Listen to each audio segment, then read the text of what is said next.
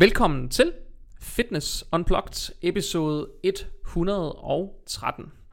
I øh, denne uges udgave af podcasten, der vender vi igen tilbage til et emne, som vi har talt om rigtig, rigtig mange gange, nemlig øh, bodybuilding, og øh, i dagens øh, episode, professionel bodybuilding. Øh, jeg får jo indimellem nogle, øh, nogle henvendelser fra folk, som øh, ønsker bestemte gæster, eller også så lægger jeg øh, en eller anden... Øh, nogle spørgsmål op og ønsker gæster eller emner, noget I synes, øh, der mangler at blive berørt. Igennem de her øh, cirka to og et halvt år podcasten, den har kørt, der er der et navn, der er blevet ved med at gå igen. Der er flere navne, der er blevet ved med at gå igen, men et af dem er øh, Christoffer Berner.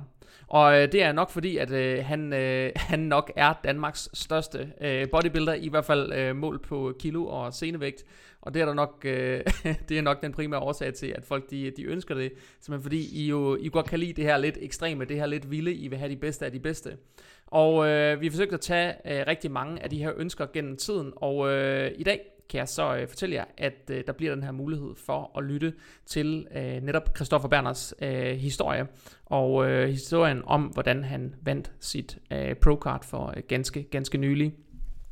Mit navn det er som altid Jakob Christensen, og jeg er svært, og I kan følge med ind på Instagram som by JS Christensen.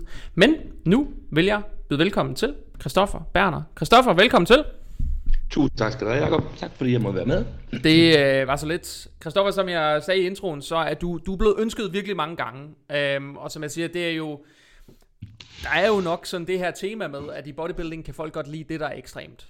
Øhm, de kan godt lide det, der er vildt, og det, der er sejt. Og det er jo også øh, en af de, jeg plejer at sige, at årsagen til, at naturlig bodybuilding, selvom det er en stor ting og et stort tema, så bliver det aldrig lige så vildt, som, øh, som det øh, professionelle øh, IFBB øh, Pro Bodybuilding, som vi kender det. Og det er jo fordi, det er der, man ser de største freak shows.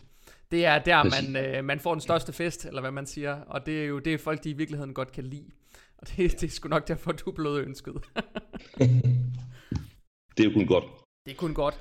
Christoffer, øh, for ganske nylig så har du vundet dit pro-card, og det skal vi tale mere om senere. Men jeg kunne godt tænke mig at starte sådan lidt med, sådan, hvor kommer du egentlig fra? Fordi du bor i Sverige lige Jeg kommer ned fra Rødby, nede på Lolland. ja. Hvor jeg startede i et lille lokalt træningscenter for 25-20 år, 20, 20 år siden, hvor jeg egentlig startede med at styrketræne, fordi jeg synes, det var sjovt, og det var egentlig for at blive bedre til at spille håndbold, og jeg spillede håndbold på rigtig højt niveau. Og, øhm, mm. og det startede sådan i det hele, og det kørte sådan frem og tilbage med mange ting.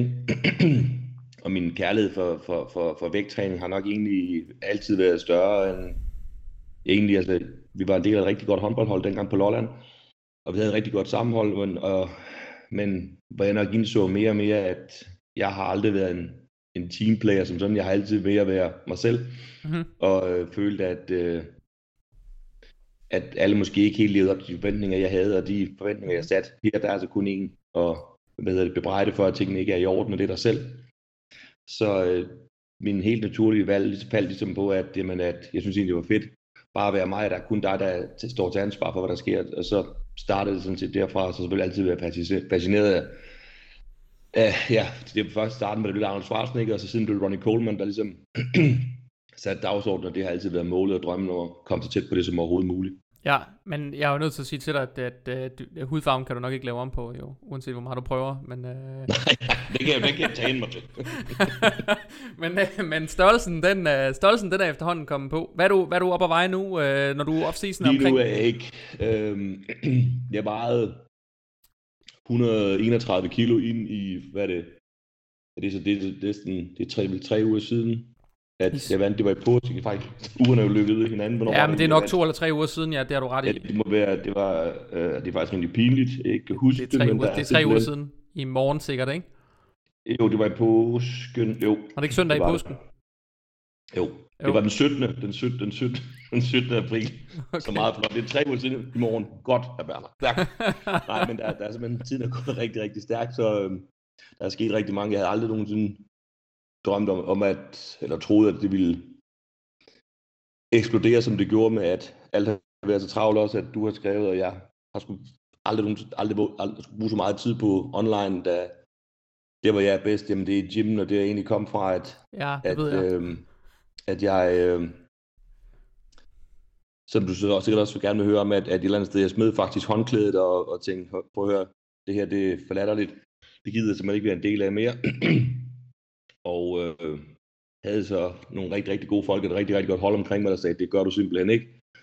Og så tænkte jeg, okay, hvis der er mennesker, der tror så meget på mig, så er jeg nødt til at give alt, så alt, hvad der hedder telefoner, alt, der jeg fuldstændig virkelig koncentreret mig om tre ting, træne, spise og sove. Så øh, ja, så det kom ind til at handle om det, så tiden er gået lidt, lidt stærkt, så derfor er det lidt svært at følge med i alting. Så, men nej, tilbage til du sagde, for tre uger siden, der, øh, der var jeg 131 kilo ja. på scenen i øh, mit livs bedste form nogensinde. Og, ja, enig. Øh, øh, vil sige det sådan, at jeg har nok aldrig fået så meget ros og samtidig fra dommer og IFBB Pro Atleter, øh, at øh, den condition, den har man ikke set meget, meget længe, kom, eller kombineret med den størrelse. Så det var jo selvfølgelig det helt rigtige, og det var, egentlig, det var også taktikken, at jeg vidste, at det var, ville være et meget, meget svært show, fordi det var for det første to vægtklasser, der var slået sammen. Øh, at det var en, havde egentlig bare plus 90, øh, hvor jeg plejer øh, at stille op i plus 102. Ja. Og øh, i min optik, jamen minus 100-klassen er en meget, meget farlig klasse for, for, for, for sværvægtere, der ikke gør deres hjemmearbejde. Fordi at det vil tiltrække mindre mennesker, som ja, gammel blik, Sean Ray, Lille Brada, folk, der hænger ufattelig godt sammen ja. og øh, har et enormt godt flow i deres krop. Så hvis ikke, at man kan sige, den store mand virkelig er på, og er, hvad han skal være, jamen, det er det jo bevist forskellige gange, jamen hver gang i 90'erne, at de her masse monster floppede, jamen, ja. så røg Sean Ray til top, men floppede de ikke, jamen så røg han ned igen, og det, det samme sker, og det er jo derfor, Dennis Jane altid siger, at Hadi Chupan, han er, han er så farlig, som han er, fordi han er så condition, men samtidig er det jo så også, øh, kan man sige, egentlig ikke så svært, fordi at hvis den større mand, han sørger for at lukke bagdøren, og komme ind og lidt med at blive vægtlidet, lidt med at kigge på og tro, hvad han tror er, er i form, men ved, hvad, der, hvad form er, og kommer han ind uh, shredded, fuldstændig shredded bund, jernhårdt fyldt ud, jamen, så kan den lille mand ikke slå den store mand, og det, og det, det var beviset for det. Øhm, og øh, det var egentlig taktikken, at jeg ville komme ind så hård og så stor som overhovedet muligt, og det lykkedes til punkt og prikke. Så øh, tilbage til vægten nu, jamen jeg har egentlig forsøgt at holde igen, fordi i stedet for bare at eksplodere, så jeg vejer sådan set kun 142 kilo lige nu, men stadigvæk i hvad, når du, når, du, når du er størst off-season, så plejer du at være lige på den anden side 150, hvis jeg husker rigtigt. Ja, det er tungeste, det er 155 kilo. Okay, ja, fint. Det er, også stort, men du er også høj. Ikke? Jeg er 1,88 høj, og jeg ved ikke, hvor mange tror jeg er højere, men det er jeg ikke. Jeg er 1,88. Altså, altså en meter, en meter, jeg ved godt, at det ikke er højt efter dagens standard. Jeg er godt med på, at øh, højde, det er jo øh, især med, med, med generationerne, altså de yngre generationer er jo tårnhøje, når man ser dem, ikke? Og øh, man undrer sig over, altså jeg er 1 meter 374, ikke? Hvor jeg tænker, jamen, det var en meget gennemsnitligt, da jeg gik i skole, ikke? Men øh, når man ser de der helt unge mennesker, der kommer 10 år yngre, så er de jo alle sammen et hoved højere, ikke? Man tænker, hvor fanden har de fået det henne? Men, øh, men det er nok bare en del af det. Øh, men i bodybuilding sammenhængen, når man ser på sådan dem, som placerer i toppen af, øh, pro-shows, og måske især Mr. Olympia, så har det jo de sidste mange, mange år, hvis man kigger på, på top 5, så ligger de jo typisk et sted mellem 1,70 meter og 1,80 meter, og sjældent over 1,80 meter. Ikke også? Øh, og faktisk også ofte under 1,70 meter. Ikke? Altså sådan en som William Bonnex, hvis jeg husker rigtigt, er det sådan en meter 667. Øh, og dem er der sådan flere af, der ligger dernede. Hardy Chopin har præsteret mega godt, og kommer jo ind i midten af en, en meter nogen 60, ikke også? Øh, så, så, så der er jo flere dernede, og for dem vil du jo se tårnhøj ud, hvis du er en meter 88, ikke også? Ja, øh, men kommer du så med 310 pounds shredded muscle, that gonna look like kids. Det, det er fuldstændig rigtigt. Altså man snakker jo meget ofte om det her med, at øh, den, den, den, den, den største mand er den, man lægger mest mærke til. Øh, eller øh, det, det vil blive belønnet, hvis man er den største.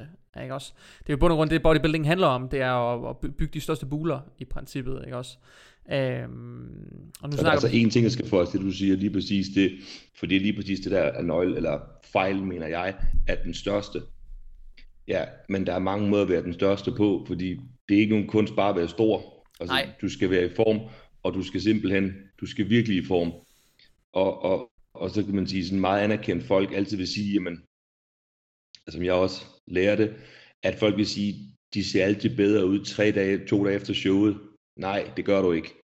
jo, du ser i spejlet visuelt bedre, for du er fyldt, du popper, men hvis du ser på, og det er jo den fejl, som hvis man for eksempel ser modeller, hvis du ser en model, for hvis du ser, de ser jo sygelige ud, når du ser dem øhm, øh, live, fordi de simpelthen er så tynde, fordi på billeder, det er altså at sige samtidig, jeg kan huske, jeg så nogle billeder af mig selv i Sankt Marino, og tænkte, okay, jeg så godt nok mærkeligt, men, det, men hvis du kan se, hvordan jeg så ud backstage kontra på scenen, jamen, okay, hvor kom det lige fra? Men det var det look, der skulle til for at se sådan der ud.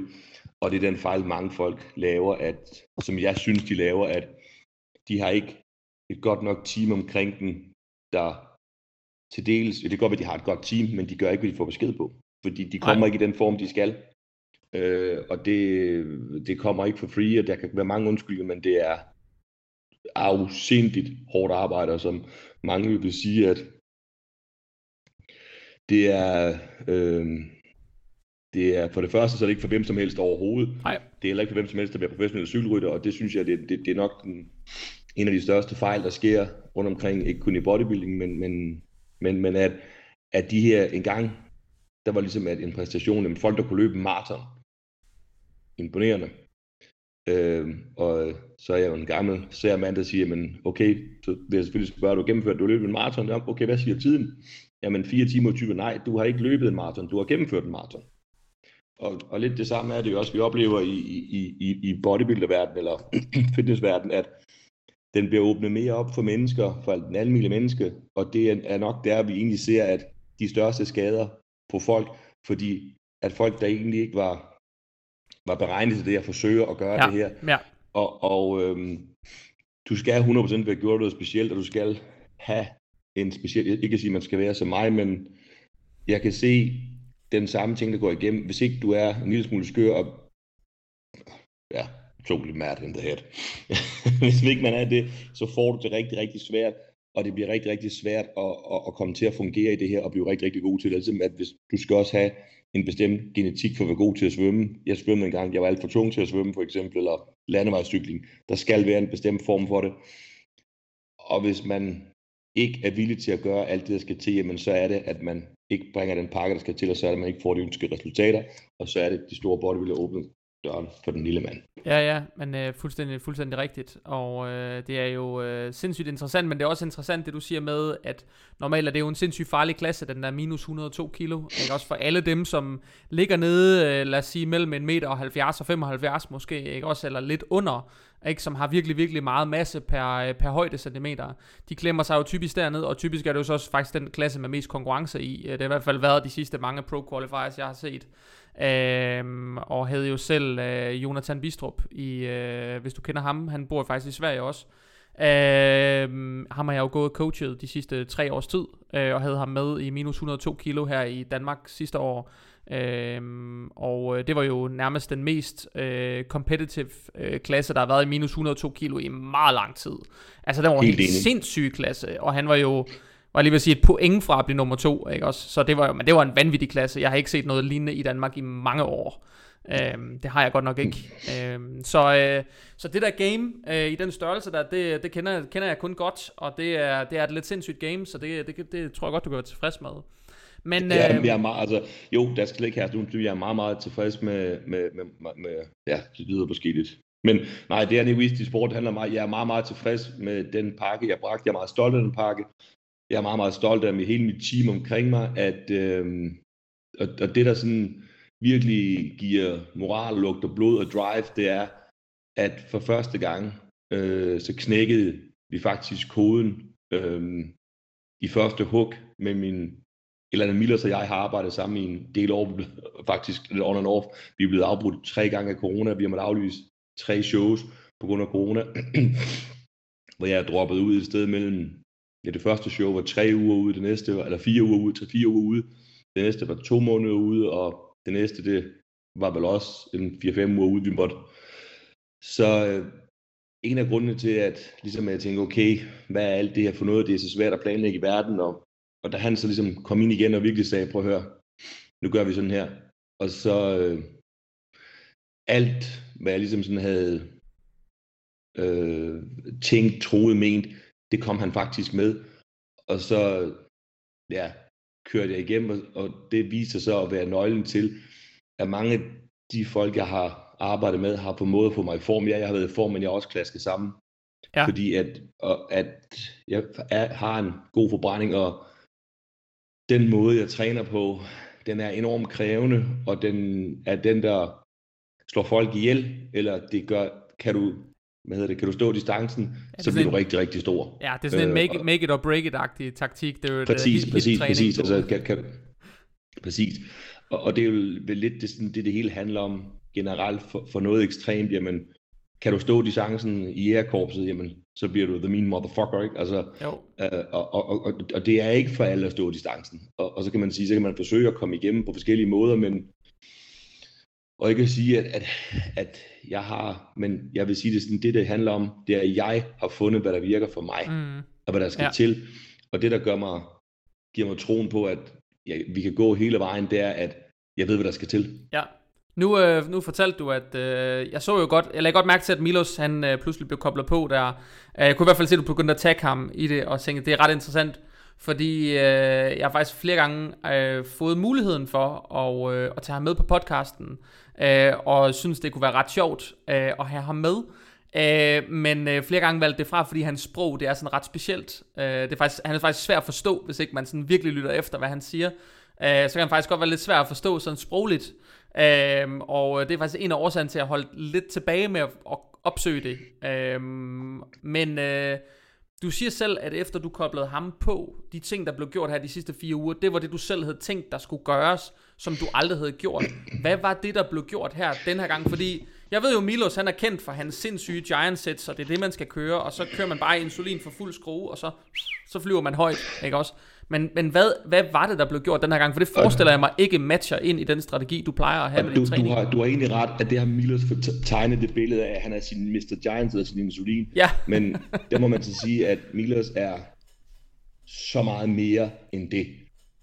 Han er for det første, hvis vi skal tage det nu, lad os tage det helt, altså sige, jeg, jeg smed som sagt håndklædet 10 uger ud og tænker, nu har jeg ikke lyst til jeg gider simpelthen mm. ikke mere, jeg blev snydt, så vandet drev for sindssygt, det var korruption og hvad der end skete. For lad lang historie kort, at jeg blev med at høre ting, som var simpelthen så underlige, altså bare så kontroversielle. Jamen, hvad skal jeg gøre for at vinde det her? Og så sige, jamen det ene øjeblik, så er det mine ben, der bliver næste øjeblik, så er det mine skuldre, så er det min ryg, så er det... Så, okay, hvor skal vi egentlig hen med det? Hvad skal vi gøre? tænkte jeg, okay, prøv at jeg gider simpelthen ikke mere. Jeg gider ikke arbejde så hårdt, og så bare få at vide, at der sidder nogen og dømmer, som de nu synes. Øhm, og 10 uger ud tænker jeg, nej, ved du hvad, jeg gider simpelthen ikke mere, jeg slutter. Og så er jeg så på pension i mere end 3,5 dage, og så tænker jeg, siger jeg til min kone, at, øhm, at, at det her, det, hvad, hvad skal jeg egentlig gøre med mig selv, fordi det er egentlig mig, og altså, hvor jeg sådan tænker, jamen, det at hele tiden springe rammer, udfordre mig selv, komme videre, flytte det her, gå igennem helvede, og så sidde bagefter og tænke, det var nok egentlig ikke så slemt den der. Det, det er jo mig. Altså, hvordan omsætter jeg det til, uden at der går en eller anden tækkende bombe rundt. og så øhm, begynder jeg at tænke over, hvad der skal til for, at hvis jeg skal komme tilbage, mm. øhm, at øh, det er for det første min rigtig, rigtig gode gamle ven ned fra Lolland, Hassan Torabi, som har været min massagebehandler eller terapist og mentor. Siden jeg var statistisk gennem 20 år, har jeg altid sagt til mig, prøv du kan be the world's number one. Det sagde han første gang, han så mig, og det holder han stadig fast i. Det beviste han jo en gang, at tro på dig selv, bliv med at tro på dig, tænke jeg, okay, han er ombord, han tror på mig. Og sige, at jeg lavede to shows sidste år, lidt alene, hvor min kone og jeg stod lidt med tingene alene, at fandt jeg ud af, at det, det er for meget. Jeg kan ikke både styre mig selv i den retning, og samtidig holde, køre en diæt ved siden af, det bliver simpelthen for hårdt, det bliver for svært.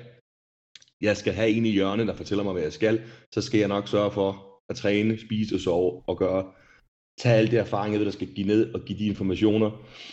Og det, som folk snakker meget om at have en træner eller en coach, hvis vi kalder dem, det, øh, det er lige så meget, har jeg lært gennem årene, jeg har haft, Dennis og mig har haft, der var det sammen i mange år. En af de ting, som jeg faktisk snakkede med Dennis om efterfølgende, det var, at jamen, hvor, han, hvor vi snakker om, at jeg er, får du en plan, så følger den plan, og jeg springer ikke fra den, men du får ingen medalje for at følge en plan. Nej. Du, får, hvis, du kan give folk en plan, og så sige, okay, jamen, jeg gjorde, gjorde en stor plan, ja, men du så ikke, du skulle. Fordi, jamen, jeg har gjort, hvad jeg skulle bestå på den plan, men det var ikke det, jeg skulle til. det, det handler om, det er at kunne give det her feedback til træneren. Mhm. Jamen, hvordan føler jeg?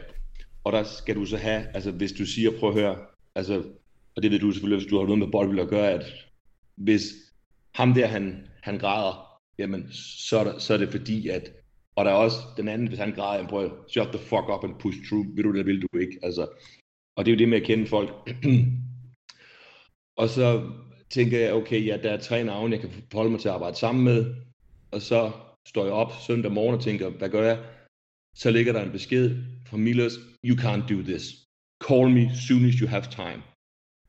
Og så ringer jeg til ham tre minutter senere, og der sidder han så i Mexico og siger, we can do this. We can, let's come, I will take care of you. I will send you a plan, you have it in 10 minutes, and then we start. Okay. Og det var ligesom, vi startede fuldstændig basisk ud med, at ingen cheat meals. Jeg spiste havregryn, æg, ris, kylling, oksekød, kartofler, proteinpulver, Vitago, altså BCSA, det som altså almindelige vitaminer. Det var det eneste, jeg spiste på 10 uger overhovedet. Og den måde, han kørte det på, det var ikke noget fancy, men vi forsøgte faktisk, ja, planen minder nok meget om en, han har fået over for Birmingham en gang, at det han sagde med, at og filosofien om, at, at, at jamen, vi kørte stille og roligt ned, og i takt med at komme længere og længere og længere ned, fik jeg faktisk mere og mere mad, og tabte mig mere og mere og mere, fordi... Ja, forbrændingen jeg, kører på jeg, det. Jeg klaskede overhovedet ikke sammen, altså, Nej. og, og, og, og sige, altså, så sige, at, at den Milas har fået, hvor dygtig han er, det var enormt imponerende at se, og jeg tror, han, han blev faktisk også øh, var selv meget overrasket over, hvor godt alting virkede. Hvor at han siger, at det, alting går meget bedre, end jeg har forventet. Hvor at han sådan begynder at forstå faktisk, at den plan her, den virker, for det har faktisk en mand, der gør lige nøjagtigt, hvad der skal til. Mm. Og at lige meget hvor træt du var, lige meget hvor dårlig dagen har været, jamen når klokken er fire, der er der tre kvarter til 45 minutter. Der er tre kvarter til en time i helvede, og det der skal du bare selv vare, der skal du rive dig selv fuldstændig fra hinanden lige meget hvor træt du er, lige meget hvor sulten du er, så skal du træne hårdere end nogen andre. Og sådan en af de citater, jeg sådan tog meget med, det var, at jeg så Creed-filmen med, med gamle Rocky, hvor han siger til ham, hvor han er nede, hvor han øh, øh, for, for at give tæsk, skal du også kunne tage tæsk, og du vil få tæsk. Og, men spørgsmålet er, når du bliver ramt, hvordan slår du tilbage? Tænker du det går ondt, eller slår du med alt, hvad du har, for simpelthen at slå gennem manden? Det var nok det, jeg lærte allermest af, at prøv at høre, hvis du, det, du kommer til at få tæsk lige meget, hvordan du gør, du går ind i en ring, det gør du også her, men du er nødt til at øh, push, hvad hedder det, push, hvad hedder det, Du er, nødt til skubbe, du er nødt til at skubbe tilbage, ja, det er jo det. Det er lige præcis, we have to, det dansk, vi har på dansk på engelsk, sige, you really have to push through. Ja, Og stadigvæk overgå dig selv fra sidst. Og det var nok en af det, som der gjorde, og at altså Milas' evne til at se, at vi faktisk kommer til at køre på en knivsæg. ja, og det er den, hvor han så siger, men, at, hvor jeg siger, at mine fingre begynder at være kolde. Jeg har måske en lille smule tendens til lavt blodsukker. Okay, siger han, det, det, det prøv at tilføje 20-30 gram carbs på et måltid, så der styr på det. Så meget kontrol har han over, hvad han laver, hvis du gør lige nøjagtigt, hvad han siger, at han forstår, hvor du er. Så dygtig er han. Så den største respekt til ham, og kæmpe kado til den måde, han gjorde alt. Alt, hvad han sagde, alt, hvad han gjorde, vi kommer til at ske, sådan er jeg ret sikker på. Alt, hvad han forudså, alt, hvad han gjorde, det skete lige efter planen, så øhm, kæmpe, kæmpe respekt for ham, hvad han, og hans stjernesæt, nej, jeg har ikke trænet som Milos, det en af hvor, da jeg startede med Milos første gang, øh, og jeg synes, det var interessant med alle de her interviews, han snakkede om, jeg kunne godt se noget, det han sagde, og, og hvis man læser om det, så, så der, der vil sikkert være mange gode argumenter for og imod. Øh, men, men, men det, som der er lige præcis med det stof eller præparat, kan man sige, og det er sådan, at det er jo med alting, der, teorien burde det gøre sådan her, men det kan også gøre en masse andre ting, mm. som du egentlig ikke kan styre overhovedet, hvad der sker. Og, og det er jo det, som de lader begynder at indse, at, at det er, det kan godt være, det gør noget rigtig godt for dig, men der kan også være så mange ukendte faktorer, du ikke kan styre. ja, Så alt, hvad der egentlig ikke var styrbart, det havde vi ikke noget af. nej, Øh, øh, så, så det, og det der, og det, og det, der ligesom, den plan, han lavede, alt hvad han gjorde, det fungerede. og det var egentlig det, der var så imponerende. Altså, det første, tilbage til den første samtale, det var, at han, hvad jeg så spørger ham med træning, så siger han så, jeg har kendt mange mennesker, der har trænet.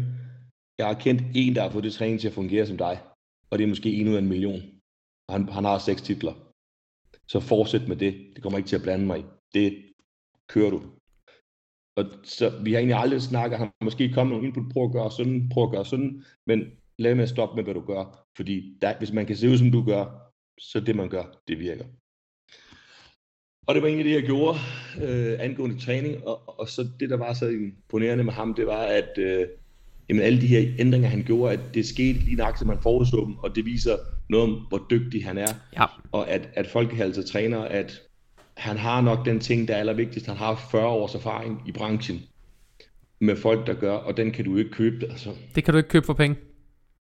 Så det er en kæmpe, kæmpe kado til ham, og han, jeg synes, at, at vi, man skylder Danmark, eller jeg skylder ham for det første, så elsker jeg ham utrolig højt, for han er en rigtig god ven, og, en, og en meget, har betydet utrolig meget for mig at redde min karriere, og vi gjorde det. Øh, at han er så meget mere end det. Og han vil virkelig folk det bedste på alle måder, og han kan så afsindig mange ting. Så det er det, der er så imponerende ved ham, synes jeg. Det kan også være, at man slet ikke fungerer sammen med ham, men, men, men, men han, han er meget, meget dygtig, og han, Altså, jeg tror ikke, der findes ret mange processer i kroppen, han ikke ved lige nøjagtigt, hvis han gør sådan her. Nej. Og det kan, og det kan godt være, ja, det, det, det, det kan godt være lidt svært at for, for at være rigtig arrogant, så kan vi sige, så er han for højt niveau til mange mennesker, fordi han er, han er dygtig, og det skal man jo forstå, Men... hvis, hvis man kommer til Tom Christensen, så skal man ikke spørge, hvordan man kører på en glatbane. Altså, Nej. Fordi det er igen det der med at sætte tingene i perspektiv jamen hvad behøver du egentlig for det her? Behøver du verdens bedste træner for at stille op til DM? Ja. Undskyld, al ære og respekt for det, men det gør man nok ikke. Nok ikke. Nok ikke. Jeg har, jeg, har, jeg har set niveauet til DM, så det, det tror jeg ikke, man behøver. uden, uden at være miskritiserende til nogen, men, men igen, lidt forstå, hvad man er. Altså, du behøver måske heller ikke en cykel til 100.000 for, for at være med i et lokalt gadeløb. I... Nej, lige præcis. Enig. Enig, og det er, det er jeg fuldstændig enig Jeg synes jo, og noget af det der jo også er lidt magien ved sådan en som Milos, jeg bliver næsten nødt til at spørge ham nu, jeg, nu, jeg kan ikke blive ved med at danse om den varme grød, og så spørge, og så spørger jeg ikke, og så, det duer ikke, nu er nødt til snart at spørge ham, men, øh, men, men noget af det, som, som jeg jo synes, der, der er lidt specielt ved Milos, og det, det, det er jo, hans familiemæssige baggrund er ret speciel. Uh, han er jo i familie med, med læger og så videre, så han, han har jo sådan et bagland, som er sådan en ret unikt i virkeligheden, som, som man ellers uh, normalt ikke uh, normalt ikke passer ind i, øh, i det her bodybuilding-miljø, altså hvor det er sådan noget meget selvgjort, velgjort-agtigt, så, så har han jo faktisk et ret specielt øh, bagland, som er øh, super fagligt kompetent. Øhm, og det, er, øh, det, det synes jeg jo er ret unikt ved det. Øh, at han så har nogle bestemte protokoller og nogle bestemte måder at gøre ting på, og sådan noget, det er jo noget det, han er meget kendt for også, ikke? Altså han er jo kendt for det her stigma med Mr. Insulin, ikke? Også, det er jo, og det er jo endda også noget, han selv nærmest prædiker, ikke? Og sådan næsten selv, han har jo selv skabt det, han har jo selv skyld i det, kan man sige, ikke? Øhm, men, men det er jo så, hvad det er. Altså, jeg synes jo, jeg synes jo kun, det er godt. øhm, man ser jo ikke ret mange, og det, det synes jeg, vi skal, vi skal tage med, fordi jeg tænker mig at spørge dig alligevel. Men man ser ikke ret mange, som benytter den her hit-træningsform. Altså det er jo Mike Mensa, der har skabt det i sin tid. Dorian Yates har jo adapteret det. Han har nok ikke adapteret det på den måde, som... Altså Mensa, han blev jo bindegal til sidst. Øh, og, og gik jo ned til sådan noget, det var et sæt uden opvarmning nærmest, og sådan noget, fordi du skulle bare ind, og du, du skulle performe 100%, ikke også? Øh, og han, øh, øh, jeg tror, han faldt mentalt fra hinanden, men, men Dorian Yates, han fik alligevel adapteret det på en eller anden måde, så det gav mening, øh, træningsmæssigt. Hvor, hvor mange forskellige sådan typer træning var du igennem, før du nåede frem til, at hit-træning, det egentlig var sådan the shit for dig? To. To? Hvad prøvede du inden?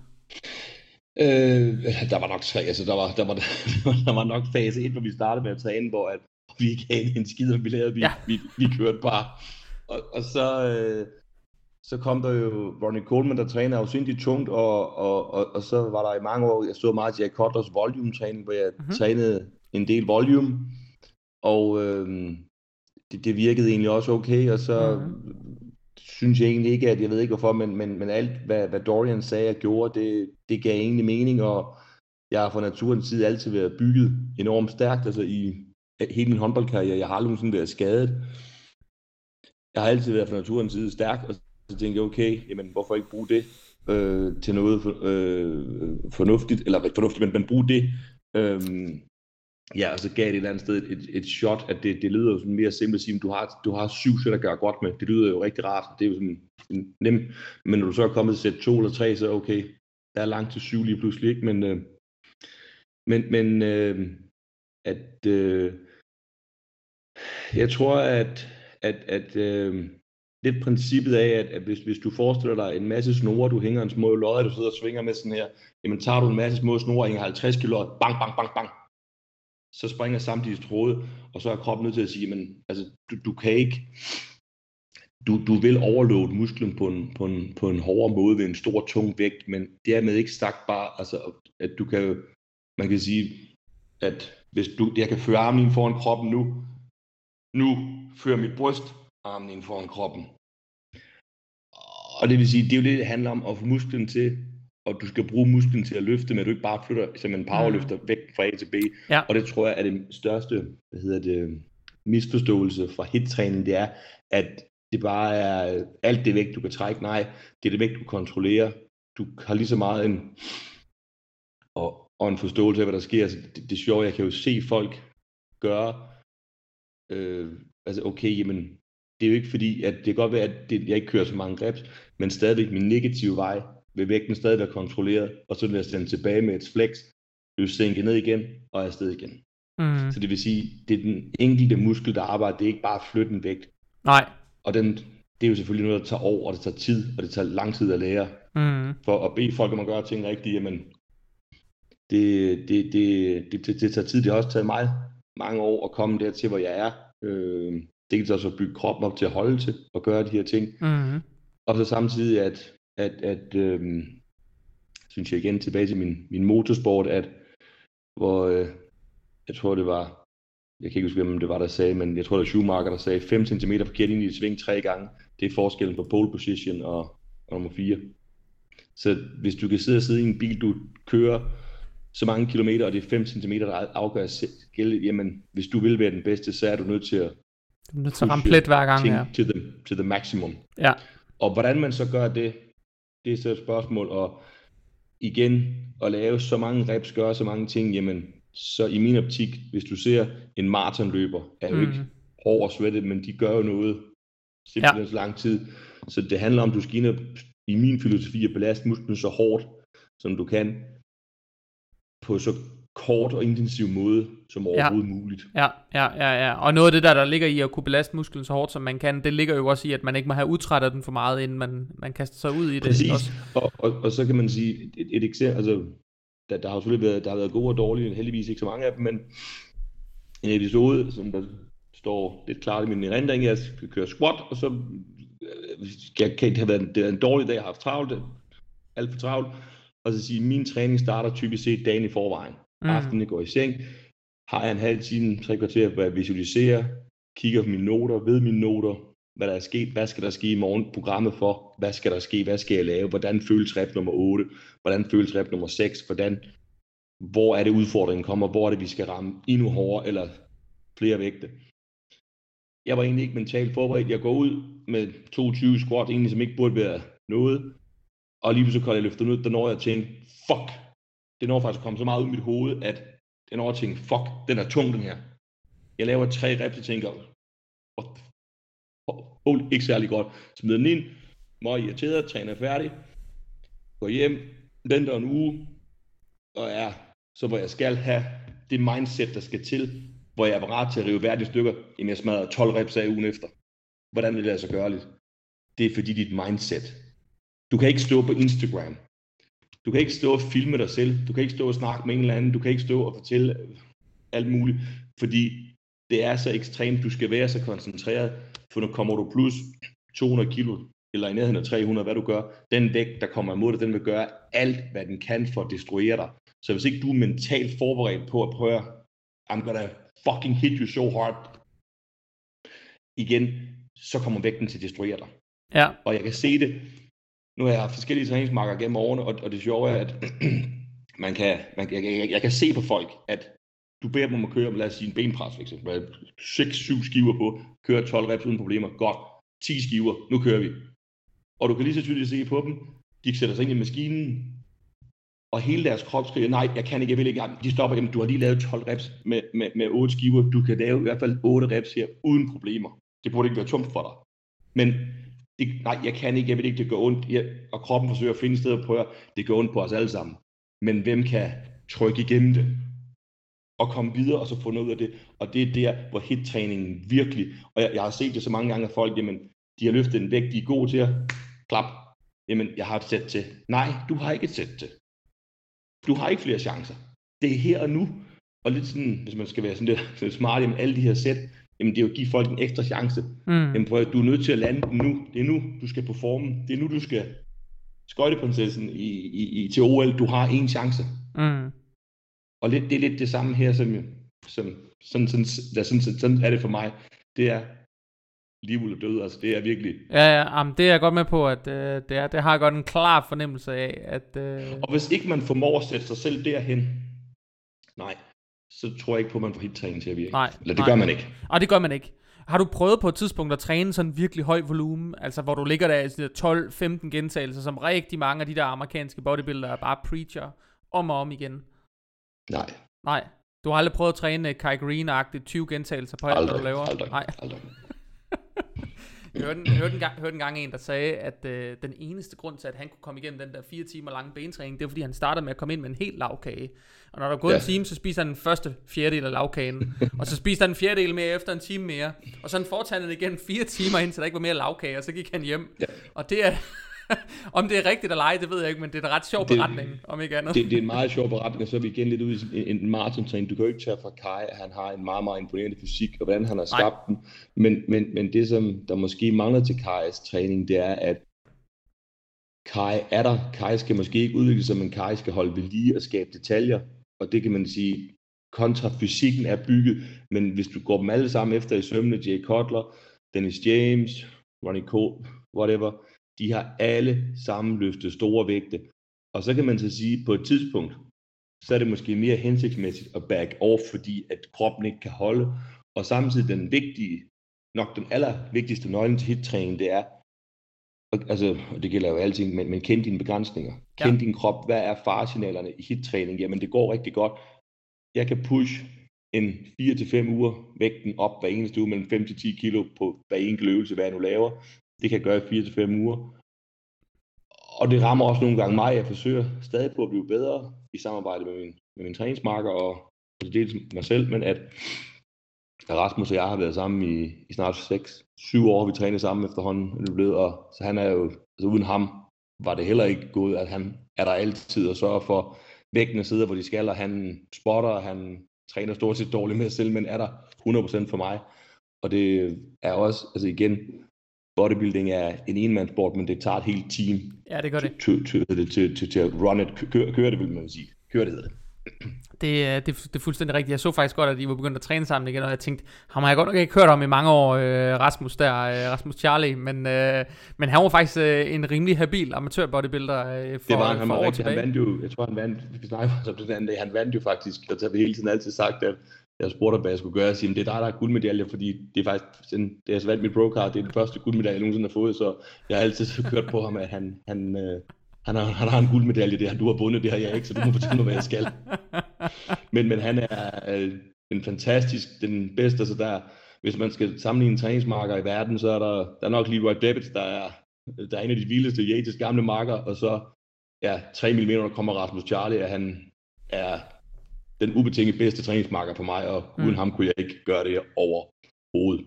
Og det er jo så igen, vi kender hinanden godt, vi supplerer hinanden godt, han kender mig, og har været med i så mange år og ved, hvornår han skal, hvor meget han skal, ja. hvorfor han skal. Og vi siger egentlig ikke så meget til hinanden, fordi vi ved egentlig, at ja, der bliver som regel vist nogle fingre, hvor mange plader skal der være.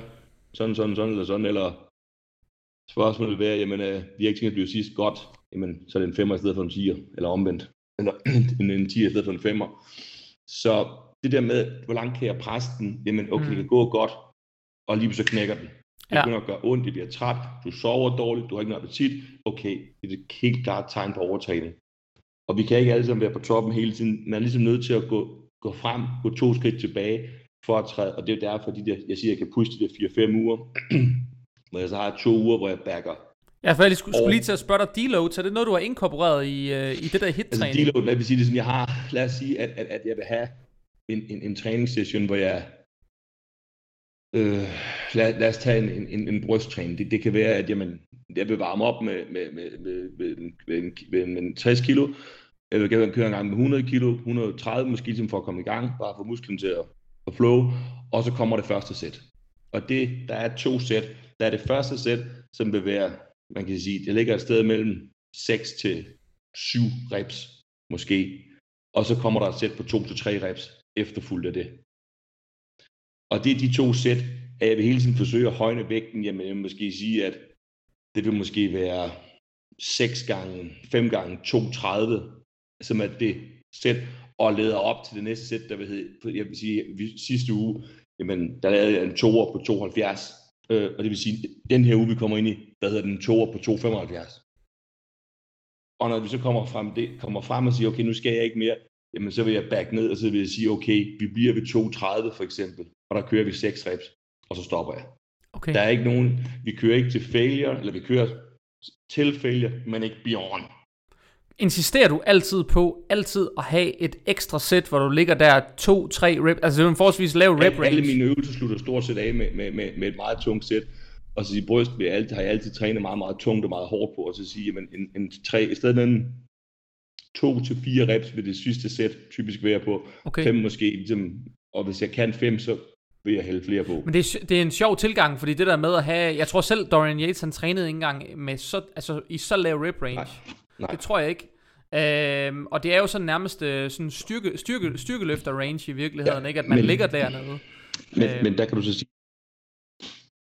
og det, det er også rigtigt, men hvis du løfter, lad os sige 82 kilo og holder dig i armene, det tryk, der kommer ned igennem dine skuldre, og det hvis du formår ikke bare at sige bank, og smaske ned i brystet, men du kontrollerer den ned, og så presser med alt, hvad du har tilbage. Om du så laver, hvis du ser på det, så kan man så sige, så er det lidt tilbage til Millers time under attention. Jamen, hvor lang tid tager det sæt her egentlig? Yes. Det, er bare, at, det er tiden, det tager. Ja. Eller 10 sekunder, eller hvad ved jeg, og sænke det ned, og så kører den op igen, måske 15. Jamen, så har du faktisk den time under attention, du skal have. Men det tryk, den tunge vægt vil gøre, den vil gøre alt, hvad den kan, så du kommer til, at, hvis du kan finde at aktivere alle de fiber, der skal til, mm-hmm. for at flytte den her vægt, så har du det maksimale load på musklen ifølge. Og samtidig, jo større, jo tungere vægt, du, det er styrkeforbedrende 100%, men det vil så også være med til at skabe til næste uges af mit lidt højere, mit sæt før toppen. Den, der skulle jeg gerne blive stærkere, så den skulle gerne hedde 240 ugen mm. efter. I, eller hvad det nu må være. Ikke? Ja, og ja, det er sådan ja, ja. lidt øh, filosofien bag det. Ja, okay. Jeg kan huske, at jeg øh, havde Mikkel Light med i podcasten en gang, for øh, faktisk en af de før, allerførste afsnit, der er optaget øh, med, med en gæst. Det er med Mikkel Light, hvor han fortalte om, at øh, dødløft, det var en af de øvelser, som han virkelig kørte meget sjældent. Fordi han vidste, at hver gang han dødløftede, det var altid 300 kilo plus. Og hver gang han kom på den anden side af det, så vidste han bare, at han havde det af helvede til i dagene efter. Altså sådan en rigtig tømmermænds øh, følelse. Du kender den garanteret, når man har løftet noget, der er øh, tungere, end hvad centralnervesystemet synes var sjovt. Øh, så han sagde, at han, han dødløftede faktisk kun en gang om måneden, fordi at det ødelagde resten af hans træning. Det var øh, de der, de, det, der, det der tunge load, øh, der ødelagde det. Det var faktisk ikke så meget andet. Har du den samme oplevelse nogle gange, at øh, du, øh, du får den der sådan tømmermændsagtige følelse af at løfte så tungt? Who wanted the most? Ja. Hvor end Mikkel Light? Han var ikke the world number one. Hvad gjorde Eddie Hall? Hvad gjorde Brian Shaw? Der har du forklaringen. Lige præcis det. Han synes ikke, det var sjovt. Han kunne ikke, han trykkede ikke, hvad der skulle til. Fordi folk kan komme derop til. Ja, når jeg vågner næste morgen, der er som om, jeg har fået tæsk med et baseballbat over hele kroppen. 100%. Ja, det har jeg. Og det mener jeg, og det kan man sige, det der har skabt min fysik, det er, at når jeg vågner næste morgen, nej, jeg har det. Og så når folk spørger, kan du lige at træne? Det er egentlig et spørgsmål, jeg ikke ved, hvad jeg skal svare til. Fordi jo, jeg kan godt lide processen i, jeg bliver bedre. Jeg kan godt lide den udvikling, jeg får. Men de 45 minutter og den måde, at du sidder i en skruestik konstant, nej, det er vi helt enige om. Det er ikke nogen fed følelse. Men da jeg stak armene op over hovedet, op i Sverige, og jeg trådte ind på scenen, og jeg stod backstage, og prøver, at jeg vidste, det der gamle, min gamle mentor, guru, Dorian, der var ingen, der har trænet hårdere end mig. Der er ikke nogen, der har gjort det her mere ekstremt end mig. For det er ikke fysisk muligt, for den har slået mig ihjel. Det giver en power, og det giver en, en selvtilfredsstillelse, at jeg har gjort alt, hvad jeg kunne. Ja. Og det er så der, hvor at, at man kan sige, at nu begynder vi at tage bodybuilding langt mere end bare at bære sportstask ned i træningscenteret, mm. altså træningstøjet på. Fordi nu kommer, altså med de Hall snakker meget om the whole, hvad hedder det, hele re- rehabiliterings, eller hvad hedder det, hele genopbyggelsen af, ja. af, af, af, det, du skal til at performe, fordi øhm, som jeg kan huske en ting, som Bjarne Ries sagde, som, som er så sigende, synes jeg, at øh, han, han lærte at træne, men han lærte at træne rigtigt. At du kan træne, altså hvor meget kan du bukke en klips, før den retter sig ud igen. Det er det, der er nøglen for os alle sammen. Jamen, så kommer mine 3-4 behandlinger om ugen på massage, stræk, øh, manipulation af min bjørn. Herovre i Sverige, der har vi, de kalder napropater, som jeg ved godt, at danskerne ikke rigtig vil anerkende dem, men han er meget biomekanisk og sørger for, at alt fungerer og sidder, hvor det skal. Og der er selvfølgelig Hassan, der, der, der sørger for, at hvis det virkelig er galt, at der begynder at komme små inflammationer, jamen hans akupunktur, hans behandling, almindelig massage, øh, stræk, en masse arbejde selv, øh, for at gøre alt, hvad der skal til, som du siger. Han, synes, ja. han har som om, du kørt ned et godstog. Ja, men du er nødt til at komme ud af det, og derfor vil, vil, vil, vil min træning heller ikke være så meget, at jeg vil træne mandag, tirsdag, fri onsdag, torsdag, fredag, lørdag, slut. Det er det. Fordi hvis man skal træne sådan her, så kan du ikke træne så meget, fordi du skal have tid til at øh, restituere ja. og komme ovenpå.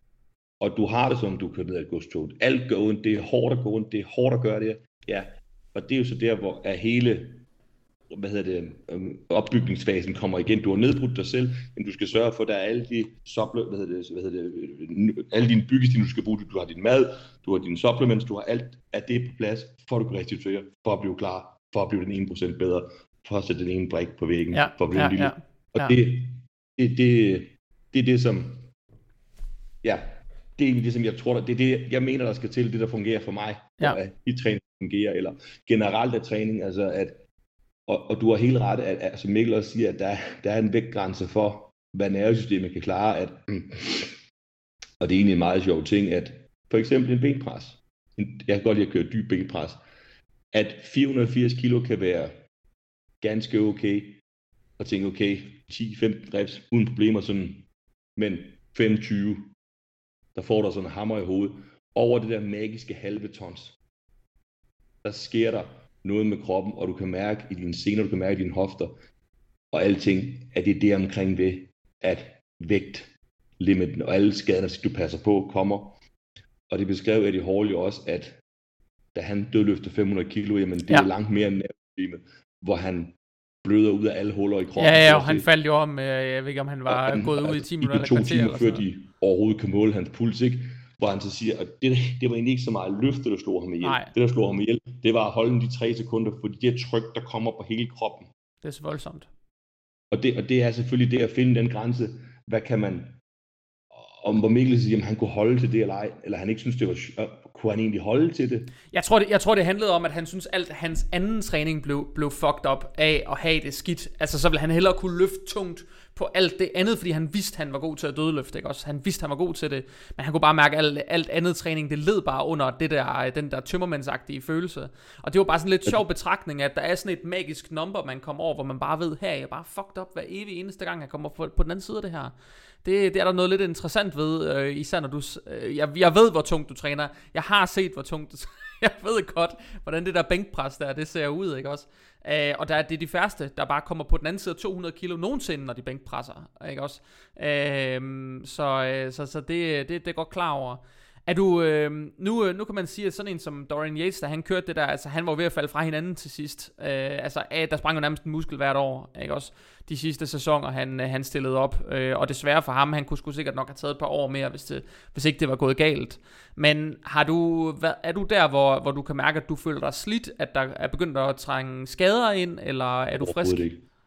Jeg har det faktisk bedre end nogensinde, øh, og har på ingen måde nogen tendens til at føle noget, og, og, og, og jeg synes egentlig lidt, at, at altså, lige så meget som jeg under Dorian, lige så meget synes jeg, at han er lidt en klovn, fordi han sidder og prædiker alt om det her træning, men jeg vil våge den påstand, at han, hvis han havde taget hånd om sig selv, og så sige, at alle de typiske skader, han har, det er overbelastningsskader. Han sidder og prædiker om, jamen, tag nu tid over til at holde, holde, holde hvile. Jamen, de spørger ham, og det er nok også lidt for kameraet, men at, hvornår starter du med at prepare for Olympia? Tomorrow? Nej, din klovn. Du har lige kørt igennem en fuldstændig hjernedødt træningsår. Du har haft den mest hjernedøde diæt i 8 uger, 10 uger, hvor lang tid du har kørt med på. Jamen, du skal jo ikke ind og makse ud nu her. Nej, du skal nej. gerne i gang igen. Giv nu kroppen det ro, der skal til. Så det er jo lidt modsigende, det han siger. Ja. Og samtidig, at, jamen, at jamen, er, er muskler spændte? Jamen, altså, for det første, det er stræk, du selv kan lave, men noget stræk kan du ikke lave selv, og det er det, at mine behandlere kommer ind og sørger for, at jamen, mine skuldre er åbne, mit bryst er åben, ja. mine arme, min triceps er ikke tight, at tricepsen står ikke og hiver i, i, i hvad hedder det, i uh, attach, hvad hedder det? I tilhæftninger. Tilhæftningerne, ja. ja. At, at, at, at øh, og, og har du hele tiden det, jamen, så får du en inflammation, jamen så ryger den under belastningerne. Yes. Så, øh, og det er jo, det er jo igen en, en ting. Men tror, tror, du også, tror du også noget af forskellen på det her, det er, at dengang Dorian Yates han gjorde det der, det var i starten af, slutningen af 80'erne og starten af 90'erne, ikke også, at han, han, var, han stillede op. Dengang var der jo ikke fokus på stræk og behandling og sådan noget, som der er i det. Altså det er jo også det er jo en meget ny ting i virkeligheden, at det er blevet så stort, øh, at man skal gå til behandling, ikke? Et, altså det, og 100% det, det er altså for, for mit vedkommende, at jamen et, et, et, er, et er, er din træning ind i dæmmelse, men, men alt det, der kommer udenom bodybuilding for ja. at blive det bedre, det er så meget mere arbejde, der skal til, for ligesom at hvad hedder det, på for, hvad hedder det, præstere i gymmen, at jamen, du, skal, du skal spise til mad, du skal helst sove lidt til middag, du skal, eller have en nap i løbet af dagen, mm. du skal, du skal have din stræk, du skal få dine behandlinger, du skal de her ting, ja, og helt klart, man er blevet meget klogere på det, men han vidste jo godt de her ting dengang. Han ville bare ikke tage tid af til det. Nej. Fordi Nej. Han, han, hvad kan man sige, jeg kan også godt se, og, og har egentlig også haft følelsen selv af, at, og nok forstå den her diæt, jamen hvorfor running, jeg har egentlig tænkt, hvordan kan man være så klog, som han har været, og, øh, og, og så få alle de skader op til, jamen, jeg har aldrig nogensinde trænet så hårdt og så tungt, så tæt på et show, som jeg gjorde nu. Øh,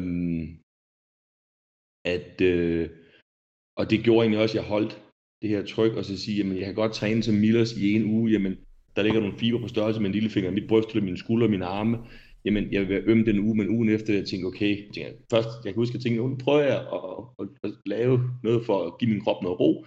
Jamen den første uge, fantastisk, jeg var helt vildt smadret, fordi jeg lavede noget, jeg ikke var vant til. Ugen efter, de der tykke fibre ind i kroppen, okay, er det bare det, vi skal? Fint. Det er ikke det samme. Nej. Tager du, er du egentlig god til at tage noget, noget time off? Altså nu, nu ja. siger du selv efter, nu er du på den anden side af et show. Du har ikke flere shows i år, vel? Nej, nej. Nej, så du, første pro-show, det er næste år? Jeg, jeg ved det faktisk ikke endnu. Øh, det kommer om det går aldrig nu. Jeg forsøger at give min krop, fordi jeg var, jeg, jeg var slidt. Jeg var, ja. jeg er tilbage i træning, og, og hvad hedder det, øh, og at forsøge at og, hvad hedder det, holde et vist niveau og komme op, og, uden at falde ned, men, men stadigvæk, at, at jeg kører fremad, men uden at lave noget rekordsættende, men, men stadig sørge for ligesom at få maskinen op og køre igen, mm. men at holde den, og så sige, lad toget først rulle, er det egentlig rimelig simpelt at holde det kørende, men det kræver rigtig meget kraft at skubbe det i gang igen. Øh, så ja, jeg er meget, meget bevidst om, øh, om, om øh, hvad hedder det, rest days, og, og, og 100% er jeg nok bedre end mange mennesker til at sige, jamen, så bliver jeg, jeg bliver hjemme. Ja. Hvis ikke jeg psykisk ved ind i mit hoved, at jeg kan føle, når jeg står om morgenen, at som du siger, den der følelse, at du kører ned ad godstoget, du har ondt overalt, jamen, så bliver jeg hjemme, fordi, jamen, okay, jeg måske smadrer brysttagen, så holder jeg en ekstra hviledag, jamen, jeg, vil, jeg skal på form på mine ben der i dagen efter, eller noget ryg, eller hvad det må være, så har jeg en ekstra dag, så holder jeg en ekstra hviledag, mm. eller måske en hel uge, og så træner jeg først den muskel ugen efter, fordi det var måske det, der skulle til, men så skal jeg så bare vide, at den træning, jeg havde for i gang, den skal overgås, og det vil den også være, fordi så har den muskel fået meget mere ro. Ja. Ja, ja. Og, og, og bare møde op for at gøre noget. Nej, vi skal møde op for at overgå det sidste, vi lavede. Ja, ja, ja. Og det, og det, det tror jeg er en af de ting, som jeg i hvert fald har, er blevet meget bedre på hen over årene. Det er, at øh, jeg kender min krop, og jeg øh, tør tage de her valg om at, at vide, at jeg falder ikke sammen af at gøre det her. Tværtimod gør jeg det, fordi jeg vil være bedst, og jeg gør det, som ingen andre tør, eller kan, eller ved, ja. eller skal, øh, eller har gjort, derfor kræver det noget andet. Og så i stedet for at lytte til, hvad andre gør, men vide, hvad du kender dig selv, og vide, hvad der skal til, for at din krop performer. Det øh, er helt klart min, en af mine forår, jeg er blevet meget bedre til at lytte til. Jamen, jeg sover ikke godt om natten, jeg har ikke nogen appetit, jeg er træt, jeg har ondt i hovedet. Typisk tegn på overtræning. Ja, ja, ja. Jamen, okay, backer vi off. Okay. Hvor meget, øh, nu er sådan en som øh, Kevin Leveroni er jo nok det mest ekstreme eksempel på en, der nærmest har taget det meste time off overhovedet. Altså det har jo været sådan noget 7-8 måneder, og så, så, så kan vi altså lige klar på 4-5 måneder eller sådan, og så er vi klar. Og ikke 3 måneder måske nogle gange endda, og så, så hopper vi lidt op, og så er vi klar igen.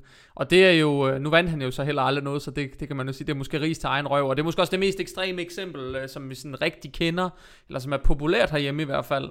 Men, men hvor meget tid tager du, øh, tager du off oven på sådan et show som det her? Jeg har, jeg har prøvet flere forskellige ting, øh, hvor jeg ligesom havde tænkt, okay, i starten, der havde jeg to måneder off efter et show, og det fandt jeg ud af, det var egentlig for meget, fordi at alle de her muskler sidder rundt omkring på min, eller store muskler, det hele begynder at trække sig sammen, hvor ja. jeg simpelthen sagde, at jeg kan huske, at jeg tror, det var forrige, sidste år, forrige år, hvor jeg, hvor, jeg, hvor jeg siger til min kone, at jeg er nødt til at bænke 200 kilo. Jeg er nødt til at få det stræk, det tryk, ja. det simpelthen bare så åbner alt, fordi alt begyndte at trække sig sammen. Og du har lidt den her Formel 1 motor, der er vant til at performe så meget ja. og lave så meget. Og der, der er måske, som det, de siger med time off, der er måske, og så kan man sige, nu modsiger jeg lidt mig selv med træning igen, men der er måske en mellemting mellem at køre 300 på langsiden, og så bare stå og kigge ind i pitten. Ja. Der er måske, du kan måske godt køre rundt, bare holde bilen ved lige, og så sige, okay, så træner jeg måske kun de sidste, jeg startede den, eller det var i sidste uge, der trænede jeg to gange, nu har jeg trænet tre gange i den uge her, og så næste uge, jamen så er vi oppe på at træne fire gange. Men gasser du, tager du så perioden, og så gasser vægtene ned, og så siger okay, nu tager jeg en periode, ja. hvor man løfter mindre, og så går bænken ja. fra, nu siger jeg 260 ned til 220, eller ned til 200 måske bare, bare for vægten af, for det der load væk, centralnervesystemet, ja, ja. får det lidt i ro, og så videre, ja. og så kommer man tilbage igen. Ja. Ja, præcis, præcis. At, eller du måske bare går ind og træner, og så siger, okay, du træner tungt, men du altså, og, og det, det tror jeg egentlig mange folk, at de starter for hårdt, at det ved, at de starter for hårdt op. Du laver faktisk, altså, der før alt blev populært, læste en personlig træner øh, for 20 år siden, jamen der sagde de jo meget det med, at du skal starte stille og roligt op. Og det de egentlig sagde dengang, det var jo, at, at jeg så har forstået sidenhen, jamen, som, nu, nu tog en amerikansk uddannelse, så, som min, hvad hedder det, en underviser, hun sagde, jamen, pur Mrs. Hansen, det var altid vores, vores case, at, at jamen, at smide Stakkels Hansen eller fru Jensen ind i en, en benpres, eller hvad, hvad det nu er, eller mig en squat, men bare bede dem at lave et eller to sæt, de vil være svømme, de kan gå dagen efter. Ja. Fordi det, det, det er en øvelse, de overhovedet på ingen måde er vant til, og det siger faktisk noget om, hvor lidt der skal til. Ja.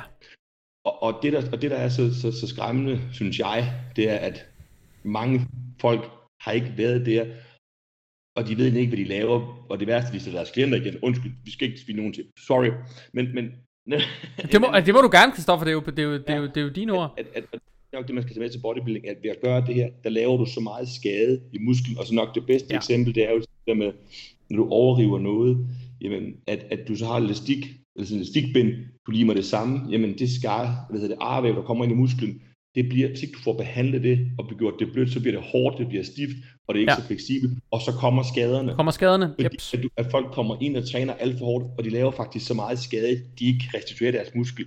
Og det, det tror jeg er, eller det ved jeg, er en, en meget, meget stor faktor. Det er fuldstændig, en, det er fuldstændig enig i, at det, det, det er det, og det er jo måske en af de helt store udfordringer. Der er jo faktisk lavet et studie på et tidspunkt, hvor man har kigget på det der med, øh, hvor meget muskelskade der egentlig skal til, øh, for at skabe, øh, hvad skal man sige, øh, maksimal muskeltilvækst, øh, eller hvor, øh, hvad skal man sige, hvor meget der skal til for, for i virkeligheden at skabe den her udvikling, man gerne vil have. Og hvor man kigger på begyndere, så er det måske op til et sæt Altså, der skal til for bare at skabe maksimale resultater, og derudover er det faktisk øh, overtræning i, i nogle stadier, ikke også? Hvor hvis man kigger på mm. en, der er lidt øh, bare moderat øvet, så skal der måske tre eller fire sæt til, for at skabe en tilsvarende grad af muskelskade, og det bekræfter jo bare det, du siger der, man bare det der med, at man prøver en ny øvelse, bare laver et eller to sæt, det, det kan for en begynder være nok til, at de føler sig savet fuldstændig i kælderen, også selvom at det for ham, som er øvet, virker, virker som vand, ikke? Også sådan, skal der virkelig ikke mere til her? Men det skal, og det kan, man, kan du jo huske tilbage på din, da du startede i din, efter din håndboldkarriere der, ikke? Også, og den første gang, du har kørt en leg extension, der er det sikkert følt som om, at din, din ben, de skulle falde af, ikke? Også, øh, også ja. selvom der måske nærmest ikke var vægt på, men... helt, helt, helt sikkert, helt korrekt, og, og det mener jeg, at øh, helt sikkert, at, at det, det er noget, mange folk kunne lære rigtig meget af, at de egentlig hvis man skal tilbage til, hvad hit-træningen kom fra, mm. øh, at mange egentlig spiller deres tid, hvor de egentlig måske laver alt, alt for meget i forhold ja. til, hvad de egentlig har behov for, og, og, og hvad er det egentlig, du, øh, du opnår ved det. Fordi du laver egentlig, jamen du er der, du kan ikke koncentrere dig, du, du, du, du, du har egentlig, musklen kan egentlig ikke, den har sagt følger tak. Ja. Og det, det tror jeg er, er, rigtigt, eller det ved jeg. Det er i hvert fald nogle af de ting, jeg, jeg har taget med mig videre, og at ja, så, ja, og jeg startede, har bygget næsten vel 80 kilo muskler på min krop. Ja, så det vil sige, at da du startede i sin tid, der du vejede, hvad, nogen har været 60-70 kilo eller sådan noget? Ja, ja jeg tror, jeg var, jeg tror, jeg var 60 kilo, da jeg startede. Okay, sejt nok. Så har du været en lidt, øh, en lidt tynd gut nede på Lolland dengang? Jeg var stor, nej, men jeg var i god form. Hvad? Øhm. Må jeg spørge, det, du spillede håndbold dengang. Hvad, hvad niveau spillede du på? Jeg nåede vel at, spille i anden, anden divisions håndbold, og jeg havde ingen ambitioner mere, men øh, ja. Okay. Så, øh, Hvornår, hvor gammel var du, da du stoppede? 19, 20 år. 20 år. Der var du begyndt at træne så? Ja, ja. Jeg startede, ja, ja. Som, jeg startede som, som 16 år med, med at træne. Okay, fint nok. Savner du at spille håndbold nogle gange? Nej. Nej? Okay. Føler du stadig med i det? Ja.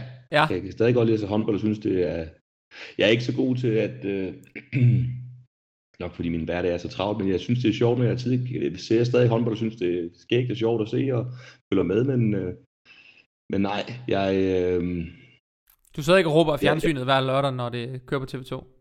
Nej, nej. Det kommer jo, hvis jeg, hvis jeg har tid, hvis jeg har tid, hvis jeg har tid og husker det, så ser jeg det, men, men, men tit og ofte er der som regel noget andet, skal. Men hvis, hvis jeg husker det, og, og det er der, så, så ser jeg det gerne. Og som regel, altså alle, alle slutrunderne forsøger jeg at huske at se. Ja, ja, ja, men det, jeg gør det selv.